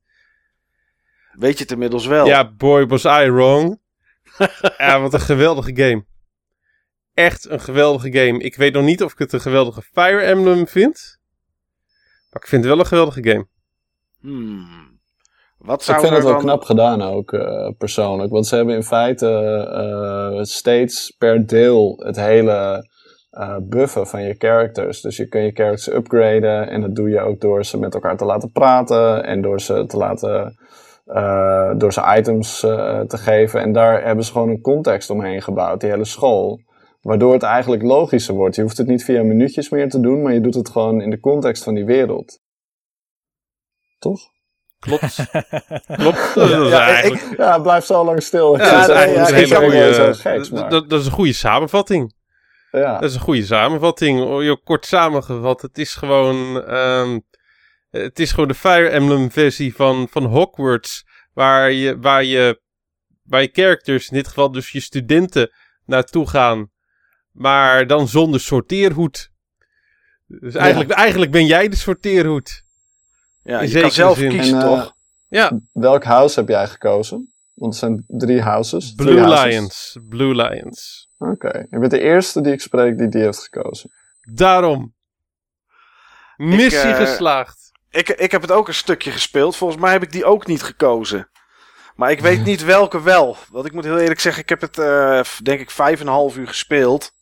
En de dag daarna dacht ik eigenlijk niet meer aan die game. En de dag daarna ook niet. En toen ook niet. Dus eh, daar is het tot nu toe bij gebleven. Maar ik weet er wel eentje. En dat vond ik. Het, is helemaal niet ik. Maar goed, ik zat te spelen. En toen moest ik natuurlijk inderdaad een huis kiezen waar ik, eh, waar ik me dan bij aansloot. En er was één huis, toen dacht ik, wat zijn dit allemaal voor arrogante, arrogante lullen, joh. Ik weet niet of dat die Blue House is, eh, of dat het groen is, of het is die ander, rood. Ehm, Ja, je hebt nog de Black Eagles, sowieso. Ja, En de Golden Deer. of. De Golden Deer, dat is het, ja. Oh ja, nou, ik weet niet waar ik me bij aangesloten heb, maar één van die heb ik laten liggen, inderdaad. Ja, Sowieso. ik, ik moet- gok, eh, sowieso. zeg maar, het eh, de Golden Deer House. Dat is een beetje, zeg maar, het huis voor de, voor de slackers. Oh, dan zal, dan zal ik die gekozen hebben, denk ik. nee, ik weet het echt niet meer. Maar goed, Steve, eh, waarom is het wel een goede game, maar weet je niet of het een goede Fire Emblem is? Omdat je de helft van de tijd, of misschien in eerste instantie wel meer dan de helft van de tijd, doorbrengt met een ander soort gameplay dan, ehm, dan je eigenlijk van Fire Emblem gewend bent. En misschien ook in Fire Emblem zoekt. Zeg maar, lesgeven.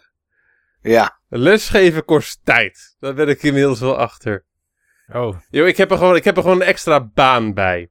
Zo voelt het een beetje. Ik vind het wel een hele leuke baan.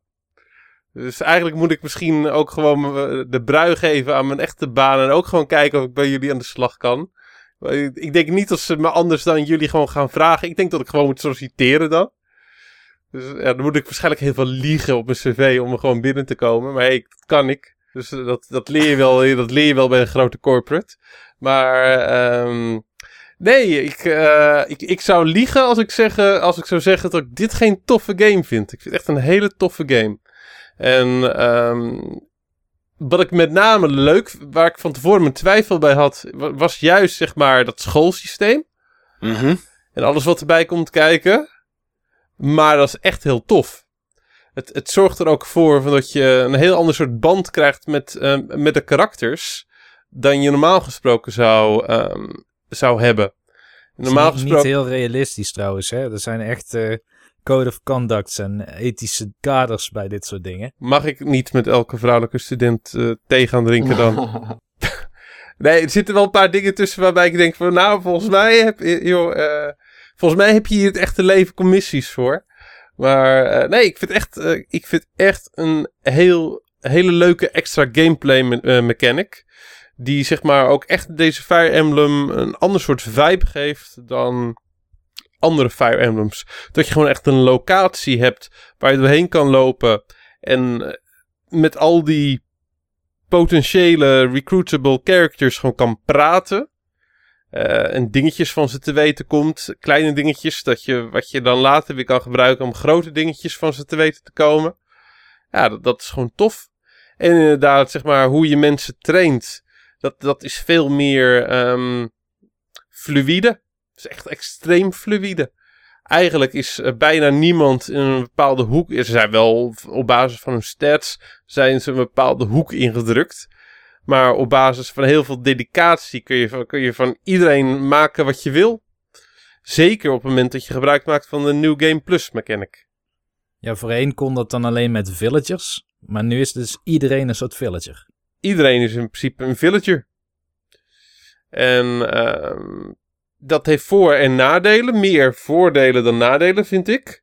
Um, ja, je, je hebt gewoon heel veel vrijheid om, om het ideale team voor jezelf uh, samen te stellen. Het, het, is wel zo, omdat je gewoon eigenlijk zoveel vrijheid hebt, van dat je ook makkelijker de game kan breken. Door gewoon voor iedereen een hele sterke klas te maken. Hmm, Oké, ja goed. Eh, ik, ik, de reden dat ik het niet door ben gaan spelen is denk ik dat ik, ik vind de battles wel tof. Ja. Maar zo'n dating sim in zo'n, in zo'n school, zeg maar, ja, daar zit ik niet heel erg op te wachten. En ik hou ook niet zo van vissen en van tuinieren. Dus ik weet niet of ik het ooit nog verder moet gaan spelen. Of er, of er genoeg in zit voor mij, zeg maar, uh, om, het, uh, om het leuk te vinden.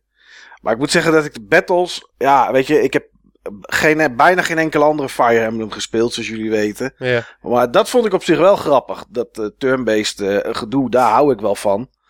Maar ja, dat eromheen weet ik niet of dat helemaal voor mij gemaakt is. Als je op normal speelt, kan je wel gewoon heel veel. Kan je in principe dat hele um, universiteitsgebeuren wel skippen hoor.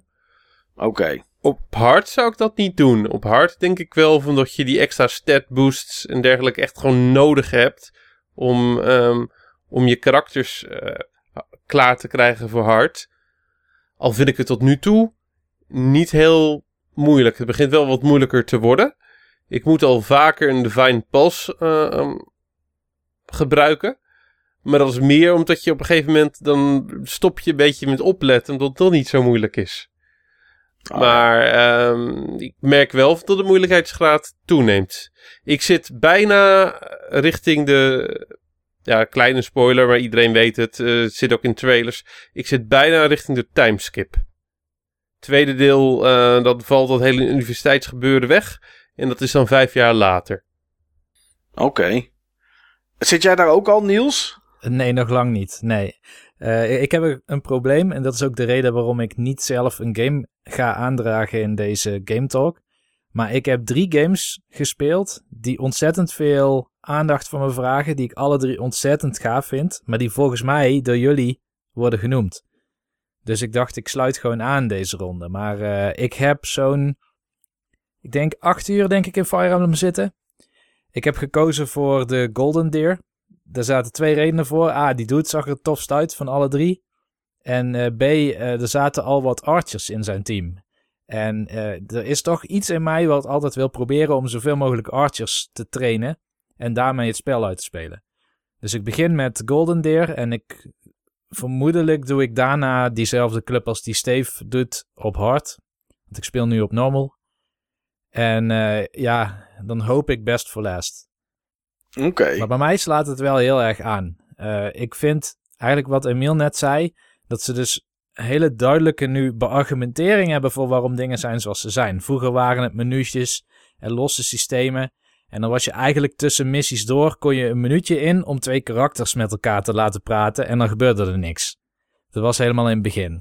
Of je kreeg, ja. Uh, ja, deze die mag nu die iets beter. Dus als die bij elkaar staan bij een battle, dan krijgt iemand plus twee op luck of zoiets raars. En nu is dat eigenlijk op een vrij logische manier met elkaar verbonden. En ze hebben eigenlijk twee verschillende doelgroepen, denk ik, bij elkaar gebracht met deze Fire Emblem. Dus waar je de echte, de, zeg maar, de oude hardcore Fire Emblem doelgroep had, die zijn opgegroeid met, uh, ja, hoe heet het, Bla Blazing Sword of zo op de Game Boy Advance. Die eerste, die gewoon Fire Emblem bij ons heette. En die toen Sacred Stones zijn gedaan, Path of Radiance en Radiant Dawn. Die doelgroep is niet per se dezelfde als die heel hard gaan op Awakening of op Fates of Echoes. En ik heb wel het idee dat wat Fates en Echoes, of ja, nee, Fates en Awakening, die hebben zeg maar dat, dat dating naar een heel nieuw niveau getrokken. Uh, wat ik niet echt zie als dating overigens, maar, maar echt als, uh, als conversaties waaruit als je dat maar lang genoeg met dezelfde karakters doet, dan ontstaat daar een relatie en die krijgen dan in die games kinderen die je ook weer in battle kan inzetten. Maar eigenlijk hebben ze nu dat op een hele logische, zachte, zinvolle manier ook in deze Fire Emblem gebracht. Zonder dat het heel erg tegen de schenen schopt van mensen die er helemaal niks van moesten hebben. Want het is optioneel. Oké, duidelijk, snap ik. Ik denk zelfs dat ze ook gewoon nieuwe doelgroepen aanboren. Door zeg maar um, ja, de manier hoe je met je karakters bezig bent. En de meer organische manier van levelen is het ook veel meer een RPG dan puur alleen een tactische RPG. Eigenlijk is het een RPG met daarbinnen een tactische RPG. En ik denk dat uh, als je ook kijkt naar, naar de timing die ze hiermee hebben. Persona 5 die het natuurlijk ook heel goed gedaan heeft. Ik denk dat het ook heel veel Persona-fans uh, zal aantrekken. Ja, dat, ja, dat, dat denk ik ook wel. Ja, dat is wel waar ik aan dacht toen ik jou hoorde uh, praten over thee drinken en dat soort dingen, Steve. Heb jij het ook gespeeld, of ben jij het ook aan het spelen, Emiel, of niet? Ja, ik uh, mocht hem reviewen ook voor uh, GameKings. Dus uh, toen ben ik er heel fanatiek in, in losgegaan. En toen kwam de review en ik had hem niet helemaal uitgespeeld. Dus hij heeft een tijdje stilgelegen. Um, maar dat komt ook omdat ik, nou ja, de game die ik zo zelf ter tafel ga brengen, heeft mij toen overgenomen. En uh, nu langzaamaan uh, app dat wat weg. En uh, ben ik uh, af en toe vooral dan on the go nog op mijn Switch Fire Emblem erbij aan het pakken. en ik vind dat trouwens ook een, een heel groot pluspunt. Dat de game heel erg twee kanten heeft. Want ook al speel je hem op hard. Die social omgeving, die is niet per se moeilijk of zo. Dus dat betekent, je hebt gewoon momenten dat je, uh, je kan momenten heel erg veel focus hebben en goed opletten. Maar zeker als je dat ding onderweg meeneemt. Er zijn ook momenten dat je dat helemaal niet echt kan, maar toch wel wat wil spelen. Nou, in die periodes kun je makkelijk je social doen. Dus dan kan je makkelijk je, studenten onderwijzen en uh, rustig je stats bekijken. En dat hoeft allemaal niet zo snel te gaan. Uh, en daar is het voor mij ook echt een ideale game voor. En dat heb ik inderdaad nog nooit met Fire Emblem gehad. Ik speelde hem, uh, nou ja, ook eigenlijk al dus vanaf de Game Boy Advance. En dan was het toch altijd wel heel goed opletten. En dan is het turn-based, dus dat scheelt. Maar toch, je moest er wel echt even je aandacht voor hebben. En dat, dat vind ik heel knap gedaan. Dat ze dat, uh, ik ben zelf trouwens ook groot Persona 5 fan. Dus, uh, en 4 trouwens heb ik ook helemaal uitgespeeld. Uh, uh, dus wat dat betreft is het voor mij een gameplay mechanisme wat ik daarvan een beetje ken en ook heel erg van mee gaan houden. Oké, nice. En welk, cij welk cijfer heb je hem gegeven? Uh, ja, wij geven geen cijfers, want uh, ja, dat is heel binair. En een game is eigenlijk zo complex. Je kan bijna onmogelijk een Witcher vergelijken met een Yoshi-game bijvoorbeeld. De cijfers vinden we altijd een beetje gek. Of wat voor soort waardering, uh, laat ik het zo vragen. Ja, tegenwoordig hebben ze gekozen voor kopen, budgetbak of slopen. Dat is een beetje het advies wat we, waar het op uitkomt. En dit was zeker wel een kopen. Het is eigenlijk uh, hetgeen uh, waarvan je zegt van die moet je nu in huis halen, want het is gewoon heel erg tof. Daar moet je niet mee wachten. Dat is, uh, dat is eigenlijk iets wat je niet wil missen. Nou, op zich wel een aardige, aardige waardering moet ik zeggen. Kopen, budgetbak of slopen. Ja, zeker. Het is alleen jammer dat bijna elke game binnen een week in de budgetbak ligt. Dus het zegt wat dat betreft misschien niet altijd heel veel. Ja, daar heb je gelijk in. Dat is tegenwoordig maar... is dat vrij snel, ja. Maar verder inderdaad, ja, het is wel mensen weten waar ze aan toe zijn. En uh, ja, een, een Fire Emblem game was voorheen denk ik inderdaad voor een hele specifieke audience. En dat was wel een beetje een dooddoener bij ons altijd. Dat, dat, dat advies geef je bij nooit van ja, het is voor de liefhebber. Want het ja, klinkt zo afgezaagd. Alles is voor de liefhebber, weet je wel. Als er een liefhebber van is. Dus Ehm, het was een hele specifieke serie met hele specifieke gameplay. En nu is het een serie met nog steeds wel die specifieke gameplay, maar veel toegankelijker en van meerdere hoeken te benaderen. Ook voor iemand die juist het socializen leuk vindt en zich juist wil verdiepen in uh, de wereld en de karakters en hun belevingswereld vooral. Oké, nou, dat is wel, uh, wel tof. Ik ga eens even op zoek naar de sloop, uh, naar de sloopvideo's, zeg maar. Daar ben ik dan, ja. uh, daar ben ik dan het, het, meest benieuwd naar. Ja, Fallout, Fallout 76 bijvoorbeeld is wel ja. zo'n voorbeeld geweest van een, een titel. Die sloopt zichzelf eigenlijk. Dat, Ja, daar hoef je niks aan te doen. Je hoeft alleen maar nee. video te maken en te zeggen Fallout 76 en dan stoppen, ja. dan is het klaar. Ja, dan is het al helemaal kapot. Dan is het al gesloopt inderdaad. Nog steeds trouwens. Dus ja. uh, oké, okay. cool. Steve, nog iets dat je toe wil voegen aan uh, Fire Emblem? Het laatste wat ik wil zeggen is dat de Divine Pulse mechanic wel echt heel veel toevoegt. En wat doet die mechanic? Daarmee kan je zeg maar een paar stappen terug in de tijd. Als je toch doodgaat um, in... Ja, je kan het zowel gebruiken als in casual mode als in hardcore mode. Maar het is met name gewoon fijn in hardcore mode. Fire Emblem die heeft van, vanuit traditie het dood is dood principe, permadeath. Ja. En dat kon je zeg maar vanaf Awakening volgens mij toch Niels? Volgens mij was dat Phoenix mode in Fates. Volgens mij is het al vanaf Awakening ah, okay. dat je zeg maar uh, ook voor kiezen om zeg maar niet um, ja, permadeath uh, aan te hebben staan. Nou, dat vind ik een beetje de pussy manier om Fire Emblem te spelen. Maar er is Divine Pulse, is een mooie middenweg. Uh, er is niks zo frustrerender. Er is niks zo frustrerend als je zeg maar juist hele mooie stat growth uh, hebt gehad voor een aantal karakters. En dan gaat opeens een karakter dood. En dat je dan zeg maar uh, je, je save op, ja, opnieuw moet, moet loaden. Als je zeg maar niet wil dat het karakter doodgaat. met Divine Pulse kun je gewoon een paar stappen terug. Om zeg maar dan de stappen te voorkomen Waardoor, uh, waardoor er zeg maar dat is gebeurd. Ja, precies. Nee, ik snap het. Voor mij de meest gebruikte knop in Forza Horizon, zeg maar. Dan donder ik weer naar beneden, een ravijn in, dan kan je even een stukje terugspoelen. Ja, maar je hebt wel zeg maar, een beperkt aantal keren dat je hem kan gebruiken. En ja, zo is het dan goed in de toom gehouden. Okay. En ik denk ook wel dat je hem op de moeilijkheidsgraden die ze nog gaan releasen. Want er komen twee moeilijkheidsgraden aan boven hard. Eh, ja, daarbij heb je hem denk ik ook echt wel nodig. Oké. Okay. Um, ja, Niels, jij wil niet. Uh, dus dan krijg je ook de kans niet. Dan uh, gaan we logischerwijs naar Emiel. Emiel, wat heb jij gespeeld? Ja, nou, Niels gaat me hier zeker op, uh, op aanvullen. Want Niels en ik hebben hier al veelvuldig uh, uh, over gesproken samen. Maar dat gaan we met plezier denk ik uh, nog een keer doen. En dat is Dragon Quest Builders 2. Oh jee, ja. En um, nou, ik zei het al een beetje in de intro. Ik zit helemaal daardoor ook weer in de Dragon Quest serie. Ik heb deel 1 destijds gespeeld op de PlayStation 4 en de Vita.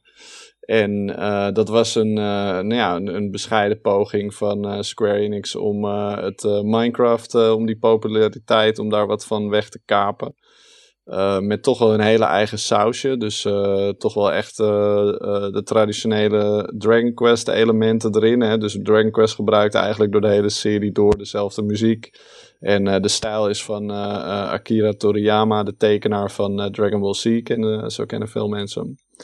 En uh, het is toch wel iets met heel veel charme. En um, ja, ik kon eigenlijk niet wachten destijds al op meer Dragon Quest builders. Omdat ik daar toen al behoorlijk hooked aan was. En er kwam niet echt DLC voor uit. Dat vond ik toen wel jammer. Maar nu ben ik heel blij dat ze al die energie hebben gestopt in gewoon een volwaardig nieuw deel. Uh, want deze game heb ik, nou ja, Niels confronteren me ermee uh, al meer dan 110 uur in zitten inmiddels. Volgens mij staat er bij jou nu 140 of zo ja. Oké. Okay. Uh, vlak, vlak, voordat de opname begon was ik uh, nog aan het bouwen. En uh, langzaam besmet ik ook mensen om me heen. Dus terwijl we dit aan het opnemen zijn, zit in ditzelfde huis mijn vriendin veel huizen te bouwen. Dus eh, het is een game die eh, een grote rol speelt. Eh, eigenlijk elke avond dat ik denk van wat ga ik eens doen. Dan pak ik hem erbij en ik heb inmiddels de story mode afgerond. Nou ja, daar doe je dus denk ik zo wel eh 100 uur over. Als je het er lekker rustig aan doet dan. Ja. Want dat doe ik zeker of met die 60 game. zoals ik, die het dan niet lekker rustig aan doet. Ja. Ja, jij bent er eh, iets sneller doorheen gegaan. Nee, ik ga echt... eh, eh, je, het is een game, dus net als Minecraft. Je, het is, de hele wereld is opgebouwd uit blokjes. En ehm, je kan verschillende soorten huisjes bouwen van verschillende soorten materialen die je kan verzamelen. En daarvan kan je dan vaak ook weer nieuwe materialen craften. En dan registreert de game ook wat voor type huisje je bouwt. Dus als je er een eettafel en een eh fornuisje in zet, dan wordt het ook echt een keukentje. En dan gaan er ook echt poppetjes uit een dorpje in eh, eh, om eten te maken en te eten.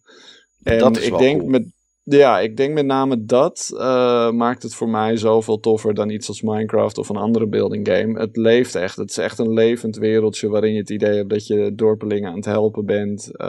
En ehm, continu, ja, je komt echt in een flow state. Want je bent continu aan het bedenken van oké, ik heb nu mijn dorpje. Ik heb nu, eh, nou dus inderdaad een huisje met een keukentje. En eh, zelfs toiletjes. Ze gaan gewoon naar de wc. En eh, zelfs hun poep kan je verzamelen, kan ik je vertellen. Om eh, weer als mest te gebruiken, zodat je gras eh, kan eh, kweken voorbij het dorpje. En daar kan je dan weer groter gras op laten groeien. En dan kan je dan zelfs weer veedieren op laten grazen. En zo linkt dat hele crafting systeem in elkaar. Waardoor je dus gewoon, voor je het weet, twee, drie, vier uur verder bent, zolang als je hebt. Eh, en ehm, ja, ik ben dan ook wel iemand natuurlijk, ik, ik werk in de creatieve industrie, dus ik vind binnen games creatief bezig zijn ook nog een van de leukste dingen die er is. Dus eh, ik heb inmiddels eh, een kasteel gebouwd waar ik echt wel mega trots op ben. Die gewoon echt tot aan de world boundaries omhoog gaat met een enorme toren. Het lijkt een beetje op Hyrule Castle van The Zelda Green of Time. En dat kan ook gewoon in die game, weet je wel. Naast dat je gewoon de storyline dus doorgaat, die super cute is. Eh, het is niet echt iets nieuws onder de zon. Ehm, maar het is wel iets wat eh, eh, gewoon uitlegt in wat voor wereld je bent. wat problemen presenteert. Heel traditioneel, dus gewoon één grote vijand, zeg maar. Die je aan het verslaan bent door te bouwen. En ehm, ik moet je wel zeggen dat eh, er zaten wat mindere of wat langzamere stukjes in, met name. Dus er zijn wel wat stukjes dat je bijvoorbeeld niet kan bouwen en dan leer je weer wat nieuws. Dus je kan, eh, ja, een klein beetje spoiler, maar je kan op een gegeven moment monsters eh, niet alleen verslaan, maar ook befrienden. En dan komen ze bij in je dorpje wonen. En dat wordt dan uitgelegd door een soort van stealth quest. Nou, het is heel tof dat het een change of pace is, dus dat je een heel ander soort gameplay hebt. Maar het is, dat, dat, dat zijn wel delen die iets te langzaam zijn. Maar verder vind ik de game nagenoeg perfect. En dat heb ik zelden. Oké. Damn, misschien moet ik dit ook gaan spelen. Ik zou alleen maar slaapkamers bouwen met rode lampjes erin. Om te Nou, dat kan dus ook. Ja. Cheeky, cheeky bedrooms heet dat. ik zou een heel dorp maken met die dingen. Oké, Ja. maar die, die quest die je dan... Want er zitten wel quests in, toch? En een verhaal. Maar zijn die quests... Bestaat het altijd uit bouwen? Of is het ook gewoon traditioneel dungeon in en, en, en turn-based een beetje rammen? Nee, het is nooit turn-based. Het is eh, third person. Ja, je kan ook switchen naar first person. Maar dat doe je eigenlijk denk ik alleen als je op detailniveau aan het bouwen bent. Maar het is eh, third person. En eh, vaak is de opzet zo dat je om en om quests krijgt van eh, exploration. Dus ga de wereld in, verzamel dit materiaal. Of spreek met die persoon en breng hem terug naar je dorpje. Eh, of leer van die persoon die ergens ver in de wereld eh, te vinden moet zijn. Hoe je een bepaald type boerderijtje bouwt. Want er zit dus ook een heel farming element in de game. Uh, en dat wisselt elkaar af. Dus je bent eigenlijk continu op reis. Samen met een NPC die je dan vooral helpt met de combat. Want de combat is redelijk simpel. Al een stuk beter dan deel 1 trouwens. Maar uh, de combat is dus gewoon... uh, je hebt één attack button en een zwaardje. En dan kan je met dat zwaardje rammen op vijanden. Soms ook best wel grote bosses. Um, en dan moet je gewoon een beetje die patronen wel uit je hoofd leren, want ze kunnen behoorlijk veel damage doen. Uh, en uh, dan ga je daar, ja, je gaat of materials verzamelen. Die heb je dan weer nodig. En dan krijg je weer een bouwquest. En dan bouw je weer een gebouwtje wat je nodig had. En dan krijg je weer iets nieuws wat je moet verzamelen of craften of maken. En zo wisselt zich dat in feite een beetje af. En dan aan het einde van elk hoofdstuk krijg je een grote enemy boss. Waarbij je vaak ook een nieuwe unieke mechanic hebt. Dus je hebt uh, bijvoorbeeld een NPC die jou kan helpen in die boss fight. Die een bepaalde uh, move heeft die je uh, moet gebruiken om dan die enemy boss te verslaan. En nou, dan is er ook nog vaak, dat vind ik wel heel tof gedaan. Ze, dorpelingen kunnen jou dus ook helpen met het daadwerkelijk bouwen van dingen. En dan maak je een blueprint. die wordt dan voor, de game geeft jou die, zeg maar. Van hey, we hebben hier bijvoorbeeld een soort kasteel of wat dan ook. En dat is dan het laatste ding wat je moet bouwen in die wereld. Uh, waarvoor je dan dus ook materials en één heel speciaal material moet uh, verzamelen. Uh, en je ziet dat dan ook ontstaan, wat ik echt heel tof vind. Want je ziet gewoon langzaam dat zij ja, de kers op de taart van, jou, van jouw dorp aan het maken zijn. Dus ja, behoorlijk veel verschillende taken in de game. Oké, en, en dat farming wat erin zit, gaat dat net zo ver als Stardew Valley of zo? Of is dat basis? Of... Ja, het gek is dus Stardew Valley heeft me nooit heel erg aangesproken. Terwijl dit, voor, ik denk dat Stardew Valley fans dit wel heel erg tof vinden. Maar ik zou niet kunnen zeggen of het even ver gaat. Niels, heb jij Stardew Valley gespeeld? Kun jij dat vergelijken? Ik heb de eerste 10 minuten gespeeld. Toen zag ik dat ik een enorm veld moest gaan opruimen. omdat er allemaal troep en uh, stenen op lagen. Ja, stenen en bomen. Ja, ik heb het wel gespeeld. Ik heb het een uurtje of 10, 15 gespeeld of zo. Nou, dan, dan ben jij de expert, uh, hè? Nee, ja, maar ik heb weer geen Dragon Quest Builders 2 gespeeld. Ja, uit, mijn, uit mijn hoofd heb je 16 uh, gewassen die je kan kweken. Okay. En dan is het dus ook gewoon, je hebt één type zaadje wat je in de grond kan uh, plempen. En soms is de context daarvan wel anders. Dus je hebt veldjes die moet je onder water zetten. En je hebt veldjes, uh, daar moet je stokjes op plaatsen, omdat die plantjes dat nodig hebben.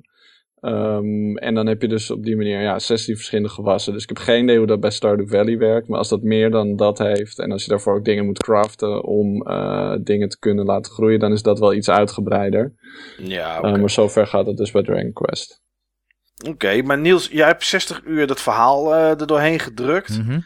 ben je er nu klaar mee? Want Emiel is er niet klaar mee. Die, die bouwt gewoon. Die zegt net van mijn appartement is niet zo groot. Maar je denkt van dat. Ik heb het scherm ja. van de Switch. Ik maak daar gewoon een kasteel gek. Maakt mij niet uit. Precies. Precies. Ja, nou ja, ik ben een minder fanatieke bouwer in dat opzicht. Kijk, Emiel en ik hebben onze ervaring met de game ook regelmatig vergeleken. En Emiel doet wel echt zijn best om het mooiste te maken van een gebouw wat hij op dat moment kan. Dus hij, ja. hij, heeft, hij gebruikt veel meer zijn verbeelding. Ik doe wat strikt noodzakelijk is om die quest te halen. Ja, dat dacht ik al wel. Bij jou, bij jou hoeft het alleen maar functioneel te zijn. een designer, ja, designer en een programmeur. dus uh, vaak bij, krijg je bij een gebouw ook wel een blueprint. En dan krijg je echt een hele gedetailleerde outline. En dan zie je ook welke blokken je ongeveer waar zou moeten plaatsen. Ja, dan komen ze ook precies daar. Ja. En um, ik was bijvoorbeeld, ik had in het eind wat last om een soort van, ik moest een, een throne room maken. En die moest dan naast een slaapkamer liggen voor de koning of zo. En ik kwam er maar niet uit, jongen, want het punt is, het spel doet een paar aannames over kamers. Hè. Een kamer is pas een kamer als het minimaal twee blokken hoog gebouwd is. Dus de muur moet twee blokken hoog zijn. Het moet afgesloten zijn met een deur. Er moet vaak een lichtbron in zitten. Nou, je kan echt twintig verschillende lichtbronnen craften op een gegeven moment. En zo'n speciale kamer als een throne room, die vereist dan nog meer dingen die heel specifiek voor die kamer zijn. Alleen het punt is, deze throne room was al voor een deel gebouwd door jouw dorpelingen. Het was zaak dat jij hem afmaakte. Alleen ze hadden Ja. een soort van verhogingje of zo gebouwd. Ja, klopt. En dat verhogingje dat voorkwam dat mijn kamer werd geregistreerd. En ik heb me toch, ik denk wel bijna een uur, een muurtje eruit, net een blokje anders gezet. Doet hij het? Nee, het is nog steeds geen throne room. Nou, het kwam zo nauw toen. Ehm, en dan ben ik gewoon heel erg oplossingsgericht bezig. En veel minder creatief bezig. En dat doe ik ook wel eens. Bijvoorbeeld, ehm, een van de highlights denk ik van het spel voor mij is het ehm, tweede chapter. En het tweede, of tweede chapter, het tweede grote nieuwe eiland waar je naartoe gaat.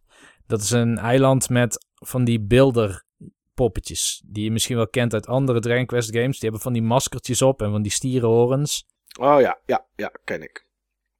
En eh, in dat chapter, daar eh, heb je eigenlijk alleen maar mannen. En er is één vrouw in het hele dorp. Op een gegeven moment twee. Maar alle mannen die strijden natuurlijk dan om die ene vrouw. Want het is wel een Japanse game. Babs. Het, het Babs heet die vrouw inderdaad.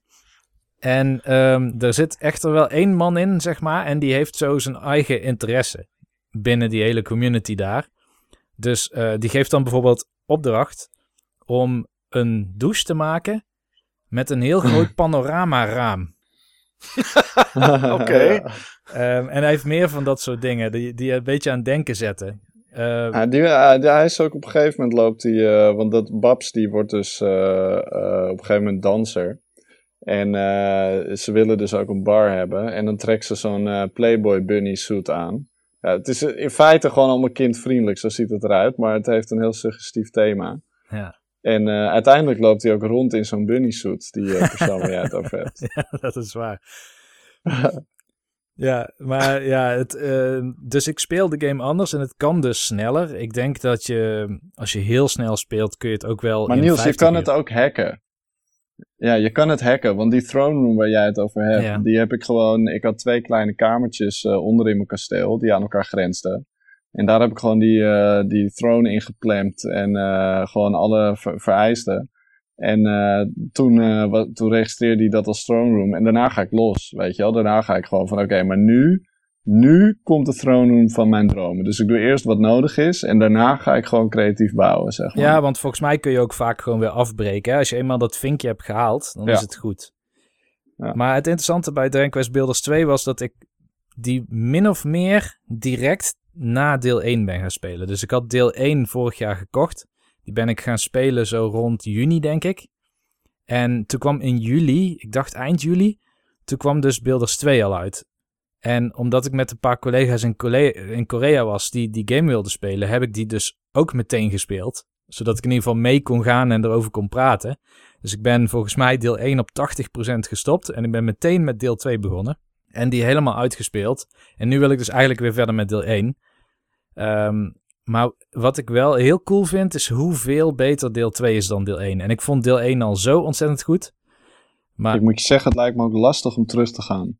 ja, ja je hebt dus heel veel, eh, eigenlijk ja, convenience functies zal ik ze maar noemen. Gewoon eh, in deel 1 was je veel meer bezig met inventory management.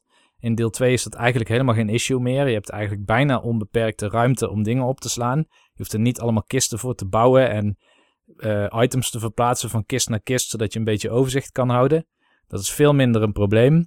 Eh, je wapens gaan niet meer stuk in deel 2. In deel 1 de, was je ergens op een quest en dan kwam je een draak tegen en dan sloeg je één keer tegen en dan knalde je zwaard per ongeluk uit elkaar.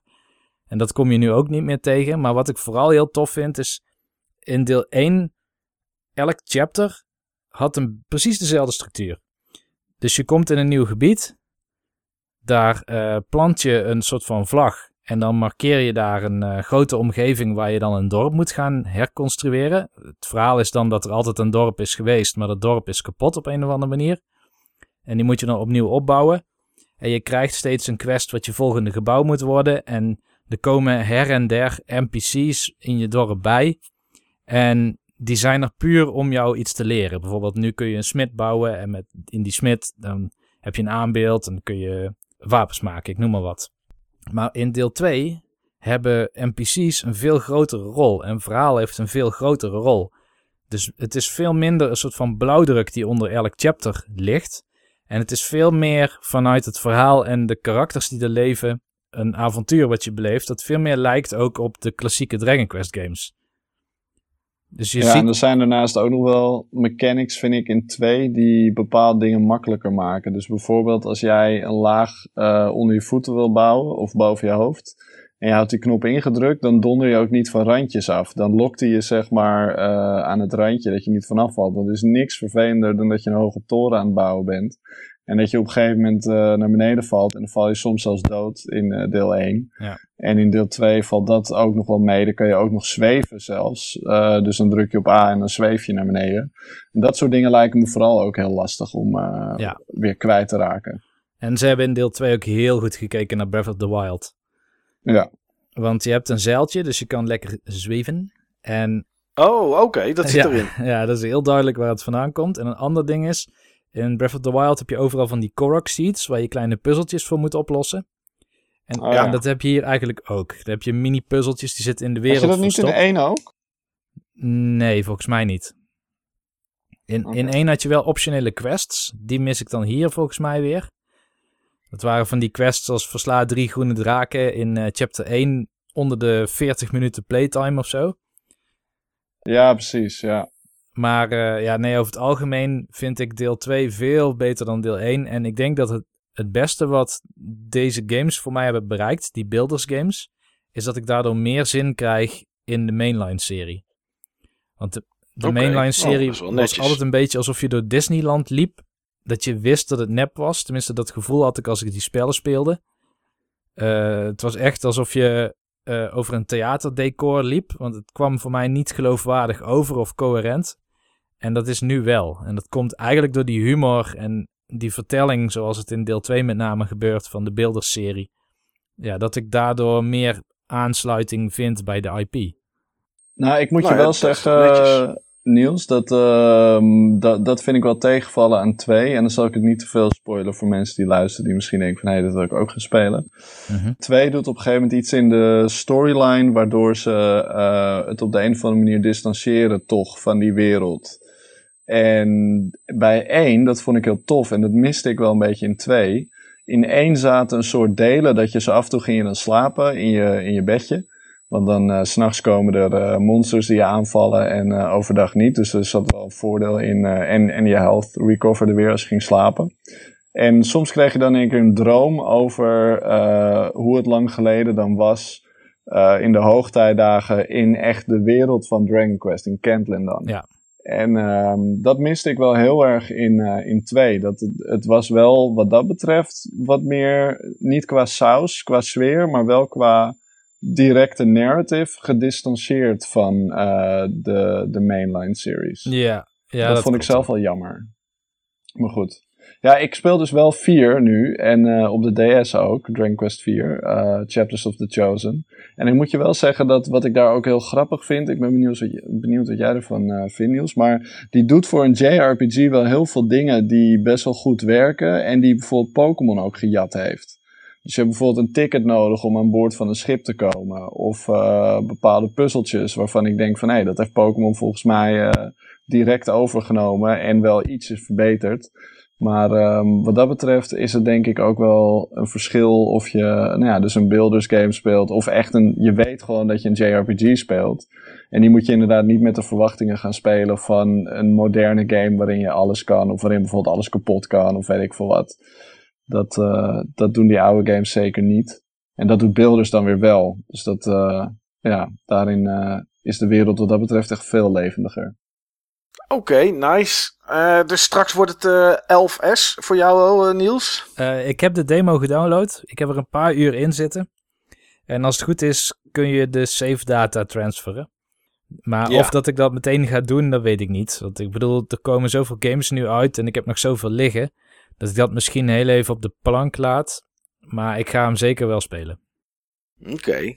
Eh, jij gaat eerst 4 tot en met 10 afmaken, eh, Emiel, voordat je aan 11 begint. Of heb je 11 al gespeeld? Eh, ik heb 11 al gespeeld op de PS4, die moest ik ook reviewen. En eh, dat is een game die ik trouwens wel heel anders speel dan die andere games. Want ik vind 11, ehm, ik hou er nooit zo van als er een auto-battle feature zit in dat soort games.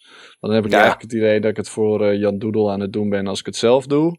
Maar tegelijkertijd, als je op auto-battle staat, dan is het bijna geen game meer. Dan eh, loopt eh, de, de- ja, het is bijna een idle RPG geworden, zeg maar, die zichzelf speelt. Maar dat Ja. vond ik bij 11 dan toch wel weer op de een of andere reden eh, de chillste manier. Had ik best wel 80% van de tijd die auto battle feature aanstaan. Ehm. En ik heb 11 dus op de PS4 gespeeld. Dus voor mij is er. Ik, ja, waarschijnlijk ga ik hem uiteindelijk wel weer oppakken. Maar ja, dus voorlopig. eh, het is per deel geloof ik 30 tot 50 uur. Eh, dus dat zal Ja. echt eh, 2022. En eh, gezien mijn leven normaal al best wel druk is. nogal later worden. Dus wie, wie weet Ja. ooit. Dan is 12 alweer uit. Ja, die kans is groot inderdaad. Ehm, ja, je had het net over Auto Battle. Die ben ik ook tegengekomen. Maar eh, dat is niet in de game waar ik het eerst even heel kort over wil hebben. Ehm, ik heb namelijk iets gekocht waarvan ik dacht dat ik het niet ging kopen. De reden dat ik het dacht dat ik het niet ging kopen was omdat ik het een belachelijke prijs vond voor een game zoals dat. Uh, en dan heb ik het over Tetris Effect. En uh, Tetris Effect kwam, uh, kwam uit en toen dacht ik, oh, dit ziet er echt tof uit. En Tetris is toch altijd, ja, het is even, even wat anders dan Mortal Kombat 11 of Doom of, nou ja, noem het allemaal maar op. Uh, ik, heb niet heel veel van dat soort games in mijn bezit.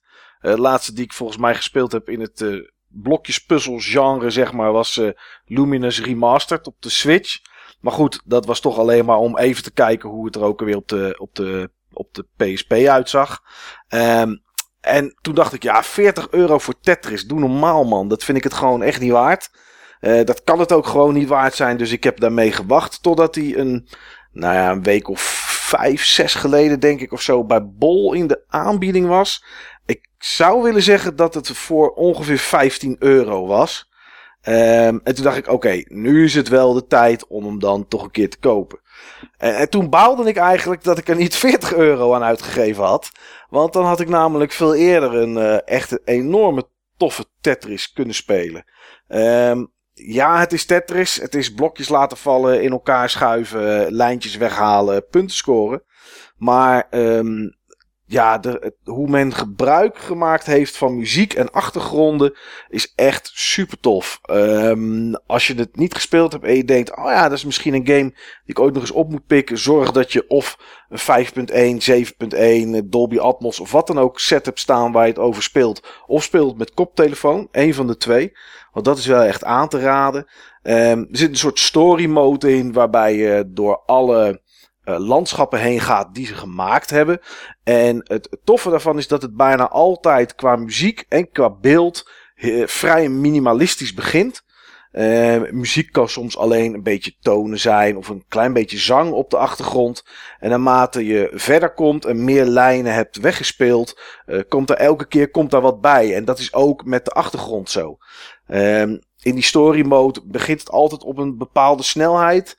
Uh, ergens halverwege wordt die of opgeschroefd of die wordt wat, wat afgenomen. Dat het wat beter speelbaar is en wat makkelijker te doen is. Richting het einde pompen ze die zooi natuurlijk op en, uh, en vallen die blokjes als een gek naar beneden.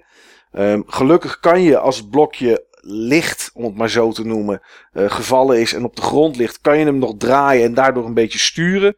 Uh, dat is wel erg prettig. Dat is ook iets wat je wel nodig, nodig hebt. En ze hebben een, een soort uh, uh, duck-out systeem zeg maar gemaakt. Je kan één blokje even in de duck-out zetten. Die je later weer kan wisselen om hem uh, terug te halen als je hem denkt nodig te hebben. En ja, ik heb geloof ik in twee avonden of zo heb ik er iets van acht uur in gestoken. dus het beviel me eigenlijk wel heel erg goed. Um, nadat je de story mode uitgespeeld hebt op normal, kan je hem nog op hard uitspelen. Normaal gesproken ben ik daar niet zo van, maar in dit geval ben ik daar toch wel, uh, toch wel aan begonnen. Ook omdat ik het gevoel had dat ik uh, de hoogste ranking moest halen op al die, uh, op al die veldjes. er zitten daarnaast nog iets van 6 20 dacht, nee, dat is te veel. Uh, misschien iets van 16 of zo. 16 verschillende modes in, waar ook een soort van puzzelmodus in zit, waarbij je blokjes krijgt die je precies moet passen in de blokjes die al op het veld liggen. Uh, nou hebben ze allerlei dingen omheen, uh, omheen bedacht. En dat is echt wel, uh, echt wel heel erg tof. Ik heb het daarna niet meer gespeeld. Maar dat komt omdat hij niet meer bij mij ligt. Hij ligt bij, bij Sven van Praatje Podcast ligt hij, ligt hij thuis. Daar ben ik geweest en nou ja, die had de PSVR. En ik had zoiets van, nou ja, als we toch eventjes PlayStation VR gaan doen, dan neem ik Tetris Effect mee. Want dan wil ik eigenlijk toch ook wel eens even zien hoe het daarin is. Omdat ik op internet wel hier en links en rechts had gezien dat mensen zeiden dat die game toch wel in hun top 3 meestal stond van VR-games. en dat snap ik. Uh, het was zo'n impulsmoment dat ik eigenlijk mijn telefoon wilde pakken en een VR-set wilde bestellen. Uh, ik heb me er zelf van weerhouden. In dit geval. Ik heb het uh, niet gedaan. Maar ik zou het zomaar kunnen doen voor Tetris Effect. En ehm, nou ja, misschien dan nog een klein beetje voor Beat Saber erbij. Maar ik, heb het, ik heb het niet gedaan. Dus, maar goed, Tetris Effect als je hem een keer ergens ziet. Ja, het is eigenlijk wel 40 euro waard als je Tetris echt heel tof vindt. Maar anders zou ik zeggen, wacht tot hij misschien ergens een keer voor 15 of voor 20 euro voorbij komt. Dan is het een, een prima game om te kopen, moet ik zeggen. Eh, de game waar ik net op doelde, waar een auto-battle in zit. En die ik niet heb ingeschakeld. En jij ook niet, Niels, weet ik. Denk ik, ja. Nee, heb je niet gedaan, toch? Ik wist niet dat er een autobattle in zat. Ja, die zit erin. Eh, dat is Astral Chain op de Switch. Wow, zit daar een En- auto-battle in? Wat de ja, daar zit een auto-battle in. Ehm, als je Wat er wel in zit, namelijk... zat ik net, zag ik net, is een Ja. co-op mode. Eerlijk waar? Ja, maar die schijnt niet zo best te zijn. Oké, Oh ja, dan krijgt de ene controle over de Legion, of niet? eh, weet ik niet. Ik zag het in het menu. Ja, volgens... Ja, klopt inderdaad. Boven in het menu kan je ergens kijken wat dan de controls zijn. eh, als, je, als je die Switch controllers van de zijkant eraf klikt inderdaad. Volgens mij is dat zo'n anderhalf speler versie. Hmm. Ja, volgens mij ook. Ja. Maar goed, Astral Chain. eh, het zit erin. Er zit een auto-battle systeem. En als je namelijk. en ik ga zo even terug naar het begin. Maar om hierop in te haken. Als je de eerste file uitspeelt. kan je je moeilijkheidsgraad kiezen. Dan kan je kiezen voor normal. Je kan voor de platinum eh, mode kiezen, zeg maar. Zoals platinum de game bedoeld heeft. Dat is dan.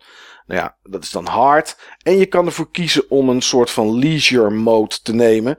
Waarbij de battles voor je gedaan worden. En je eigenlijk alleen het verhaal speelt. Dus die, eh, die zit er wel in. Maar goed, Astral Chain eh, is, is behoorlijk Japans. Is van Platinum. Is een game waarvan je denkt, dat is eigenlijk niet iets wat Mike zou spelen. Dat is eigenlijk een game die Niels eventueel aan Mike zou aanraden om te kopen. Maar in dit geval is het andersom gegaan. Ehm, ja, het is een hele toffe... Ja, ik weet niet. Ja, het is wel een RPG. Jawel. Zo moeten we toch wel, eh, toch wel bestempelen. En ehm, het is een RPG waarbij je ehm, in een klein gebied woont. Je woont op de Ark. Het is een klein stukje wat nog bewoonbaar is op de aarde. Ehm, het is het enige stukje waar de mensheid nog, eh, nog zit. En daar zijn gates, daar zijn eh, portalen die opengaan naar een andere wereld. En daar komt uiteraard het gespuis vandaan. En eh, het is aan jou om samen met de politie, maar dan zit je bij een speciaal onderdeel om dat gespuis tegen te gaan. En dan vooral de wat grotere units die daar, eh, die daar uitkomen. Eh, dat doe je door te vechten, maar dat vechten doe je niet alleen, dat doe je met een Legion. En dat is denk ik waar de game wel een beetje zijn, ja, zijn shine vandaan haalt.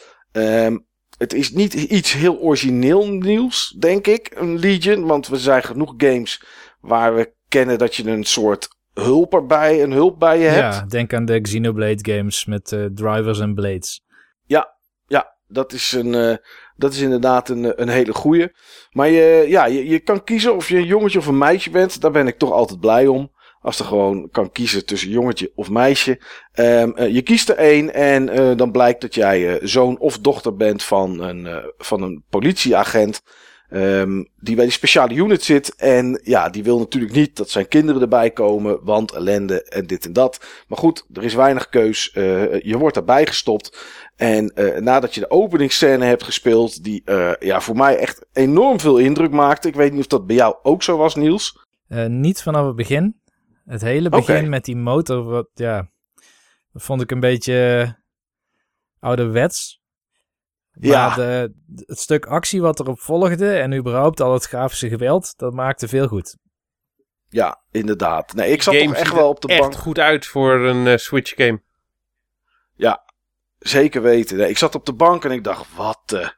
Echt waar, joh? Oké, nou, dit is wel heel tof dat ze dit uit de Switch drukken. En als het op de PS4 was geweest, had ik het net zo tof gevonden, trouwens. Ehm want daar zou het prima op kunnen draaien. En ja, daarna krijg je missies. Je krijgt ehm, eh, eh, missies om op onderzoek uit te gaan. Ik ben op dit moment in file 4 aangekomen. Eh, ik weet niet of elke file... Jij zit ook nog in 4, hè, Niels? Ik zit in vijf. Jij zit in vijf inmiddels. Oké, ik weet niet of elke file hetzelfde is opgebouwd. Maar ehm, wat er eigenlijk gebeurt is dat je op een stukje, stukje van de stad uitkomt. Waar je rond kan lopen en waar meestal iets aan de hand is. Dan moet je mensen ondervragen. Ehm, dan moet je naar clues zoeken om eh, het plaatje rond te krijgen van ja, wat, eh, wat voor kwaad er daar zijn ding heeft gedaan. Ehm, en daarna ga je langzaam richting het gevecht met, met die tegenstander. En eh, ja, daar zit nog heel veel tussenin. Maar goed, eh, dat wil ik eigenlijk niet vertellen in verband met spoilers. Ehm, en ja, dan is het klaar en begint de volgende faal. Tenminste, ik weet niet of dat in 4 ook zo gaat, Niels. Maar dat is tot nu toe wel het riedeltje. Ja, het begint als een soort uh, eh, LA Noir investigation scene. In LA Noir, daar reed je normaal ook rond, maar dat heb je hier dan niet. Je wordt meestal gewoon meteen met een cutscene naar je destination gebracht. Maar bijvoorbeeld File 4, daar kom je in een hele grote stad. Uh, die is vergelijkbaar met bijvoorbeeld een stad in Yakuza. Iets groter nog wel dan, uh, dan Kamurocho of zo. Maar het is niet een, een GTA. Het is, uh, het is een aantal nee, straten. Dat niet.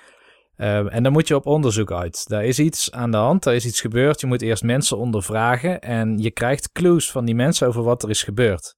En dat verzamel je in een soort van lijstje, als een soort van notebook. En op het moment dat je genoeg clues hebt gevonden, dan word je ondervraagd door een NPC om te kijken of dat je de situatie goed hebt begrepen. En vaak is er iets paranormaals aan de hand. En dat heeft met het verhaal van de game te maken, met die portalen, zeg maar, naar die andere dimensie. Daar komen die monsters vandaan. En die monsters die zijn niet zichtbaar voor normale mensen, maar ze kunnen wel de effecten van die monsters zien. Bijvoorbeeld als, er, uh, als de monsters ergens tegenaan botsen of zo. En hele, sommige mensen die hebben kennelijk iets in hun genen of zo, maar ik weet niet of dat het echt klopt. Het verhaal heb ik daar nog niet uh, over zien gaan. Maar waardoor ze wel iets van een schim zien. Of de kleur van het monster kunnen herkennen. Nou, en als je dan die patronen door hebt, als je weet wat er aan de hand is, dan uh, ontdek je vaak, in ieder geval tot nu toe in die chapters, dat er iets met een monster uit die andere dimensie is. En dat je die kan achtervolgen. En meestal achtervolg je die dan in de dimensie waar die monsters vandaan komen. En dat is een hele abstracte wereld. Um, die werelden lijken redelijk veel op elkaar, zeg maar. Dus waar eigenlijk die investigation scenes elke keer je naar een heel ander soort gebied brengen. De ene keer dan, dan loop je in een paar straten rond, de andere keer in een hele grote open stad. En daarna zit je weer in een soort winkelcentrum of zo. Dat is volgens mij file 4 ja. waar je dan heen gaat. In ieder geval iets, in ieder geval in gebouwen, zeg maar. Ja, in gebouwen. En uh, nou ja, daar zit ook vaak wel wat combat in. Maar de echte brute combat met de bazen zoals je ze kent uit de typische Platinum Games games. Dus bazen die dan worden geïntroduceerd met een titeltje en dat hun naam wordt omgeroepen. En die dan in een cutscene ja, heel even ook. flexen, zeg maar, op een bepaalde manier. Daarna is het uh, echt hele brute actie. Ja, ja, het is uh, actie die goed te doen is. Ook op de Platinum stand, moet ik zeggen. En het, toffe is dat je... Je begint met één Legion. Dat is de Sword Legion. Ja, die kan slaan in het begin. Um, en kan jij neerzetten en terughalen. Uh, dat zijn een beetje de standaard movesets die je in het begin hebt. Maar door te trainen en zeker ook door andere Legions uh, aan jou ja, aan, jouw apparaat wat je hebt waar ze in zitten toe te voegen. Um, ja, kom je eigenlijk op veel meer mogelijkheden uit en combinaties die je kan maken. En ik vind dat toch wel heel erg tof. Het is een, uh, een goed battlesysteem. Het is uh, zeer actief. Want je bent echt aan het lopen en soms à la Souls games aan het ontwijken. Uh, dat is vaak wel een beetje de manier waarop je ervoor moet zorgen dat je in leven blijft. Maar uh, het is wel heel tof om grote gevechten aan te gaan. En dan bijvoorbeeld jouw Legion. Um, die kan je besturen. Je kan je Legion gewoon loslaten en op het gevecht afsturen. Maar je kan ook uh, door een knop in te drukken de Legion echt besturen. Die zit aan een ketting, aan jouw Astral Chain. Ja, met de rechterstick dus doe niet... je dat dan. Dus je linkerstick bestuur je ja. je eigen krachten dan mee. En met de rechterstick bestuur je die, die Legion die Legion.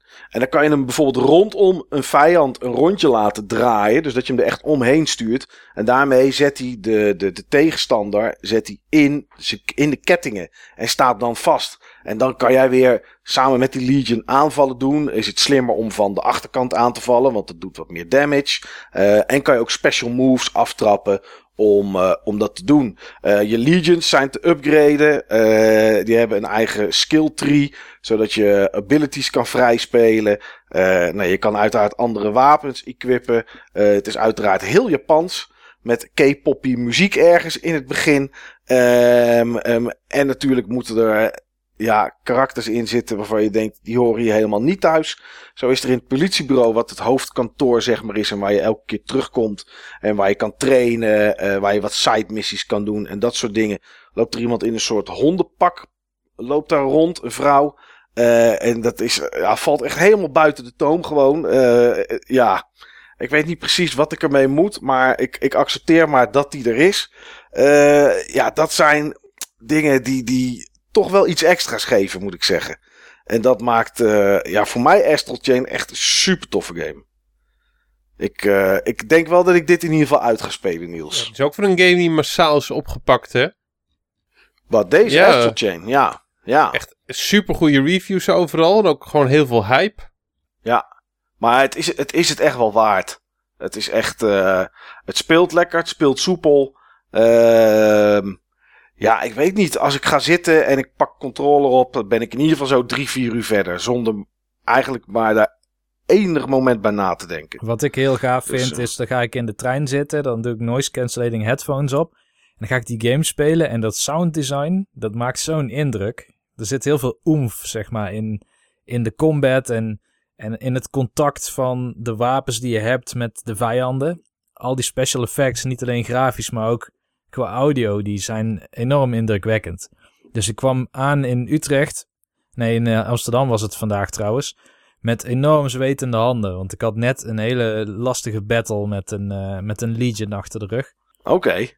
Maar, de, de vierde dan inmiddels voor jou? Of de derde? Um, ah, ja. zeg ook maar niks ook. Zeg ook maar niks. Oh, nu weet ik het al. Ja, maakt niet uit. Ja, nee, het is... Uh, ja, dit is wel een... Emiel, eh, om jouw eh, hantering vast te, pakken is dit zeker een koper.